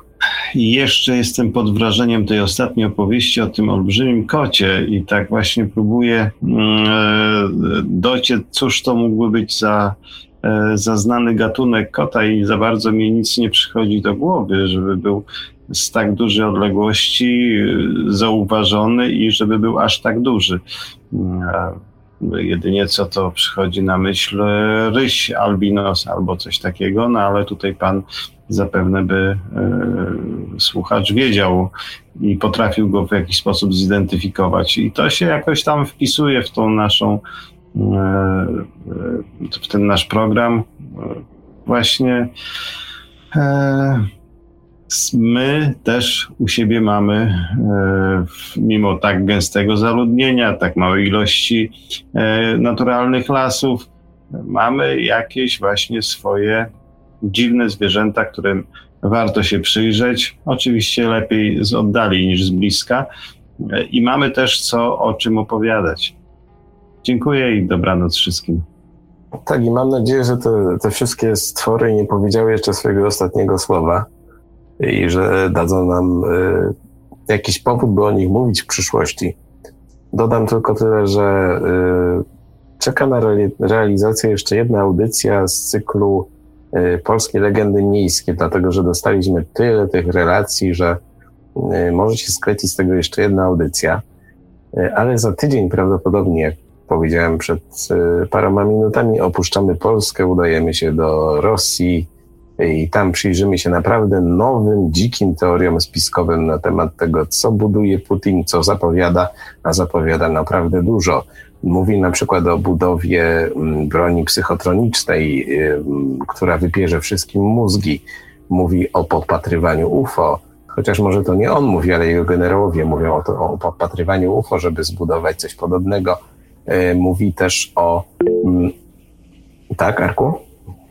Niedawno obiegły e, informacja o tym, że Rosjanie zestrzelili UFO. E, to była tylko krótka wzmianka w Onecie, niemniej jednak coś takiego padło. Być może, że zahaczymy też i o to.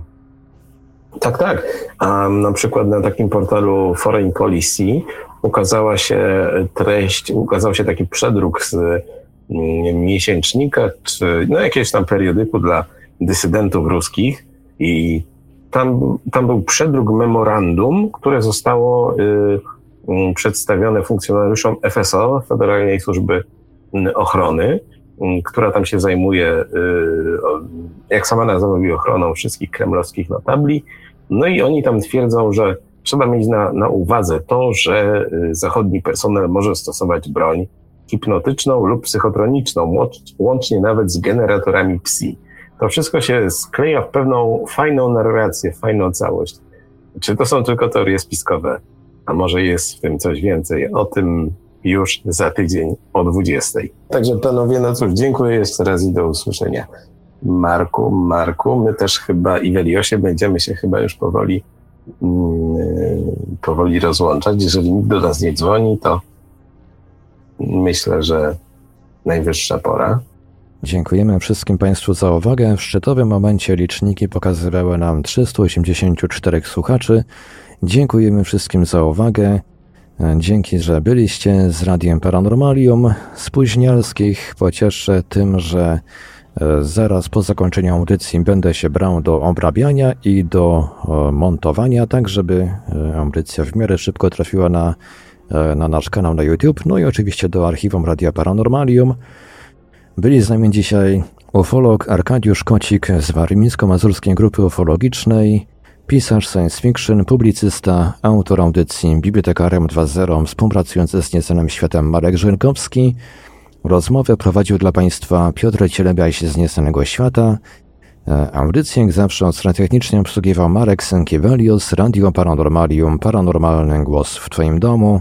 Dziękujemy za uwagę, dobranoc i do usłyszenia ponownie oczywiście już za tydzień, tym razem w temacie, tym razem w audycji o rosyjskich współczesnych teoriach spiskowych. Produkcja i realizacja Radio Paranormalium. www.paranormalium.pl Bardziej niż nieprawdopodobne, niemożliwe Niewiarygodne. Radio Paranormalium. Paranormalny głos w Twoim domu. UFO Relacje. Polska baza relacji o obserwacjach UFO. www.uforelacje.pl Podziel się już dziś swoją obserwacją. Czekamy na relacje współczesne oraz z lat ubiegłych. Wszystkim świadkom zapewniamy pełną anonimowość. UFO Relacje. Polska baza relacji o obserwacjach UFO. www.uforelacje.pl Pisz artykuły, rozmawiaj z czytelnikami, moderuj komentarze i poczuj się jak redaktor. Załóż bloga na Paranormalium. Więcej dowiesz się w dziale blogi na www.paranormalium.pl. Rozmawiaj z prezenterami oraz z innymi słuchaczami na żywo. Wejdź na naszego czata na www.paranormalium.pl.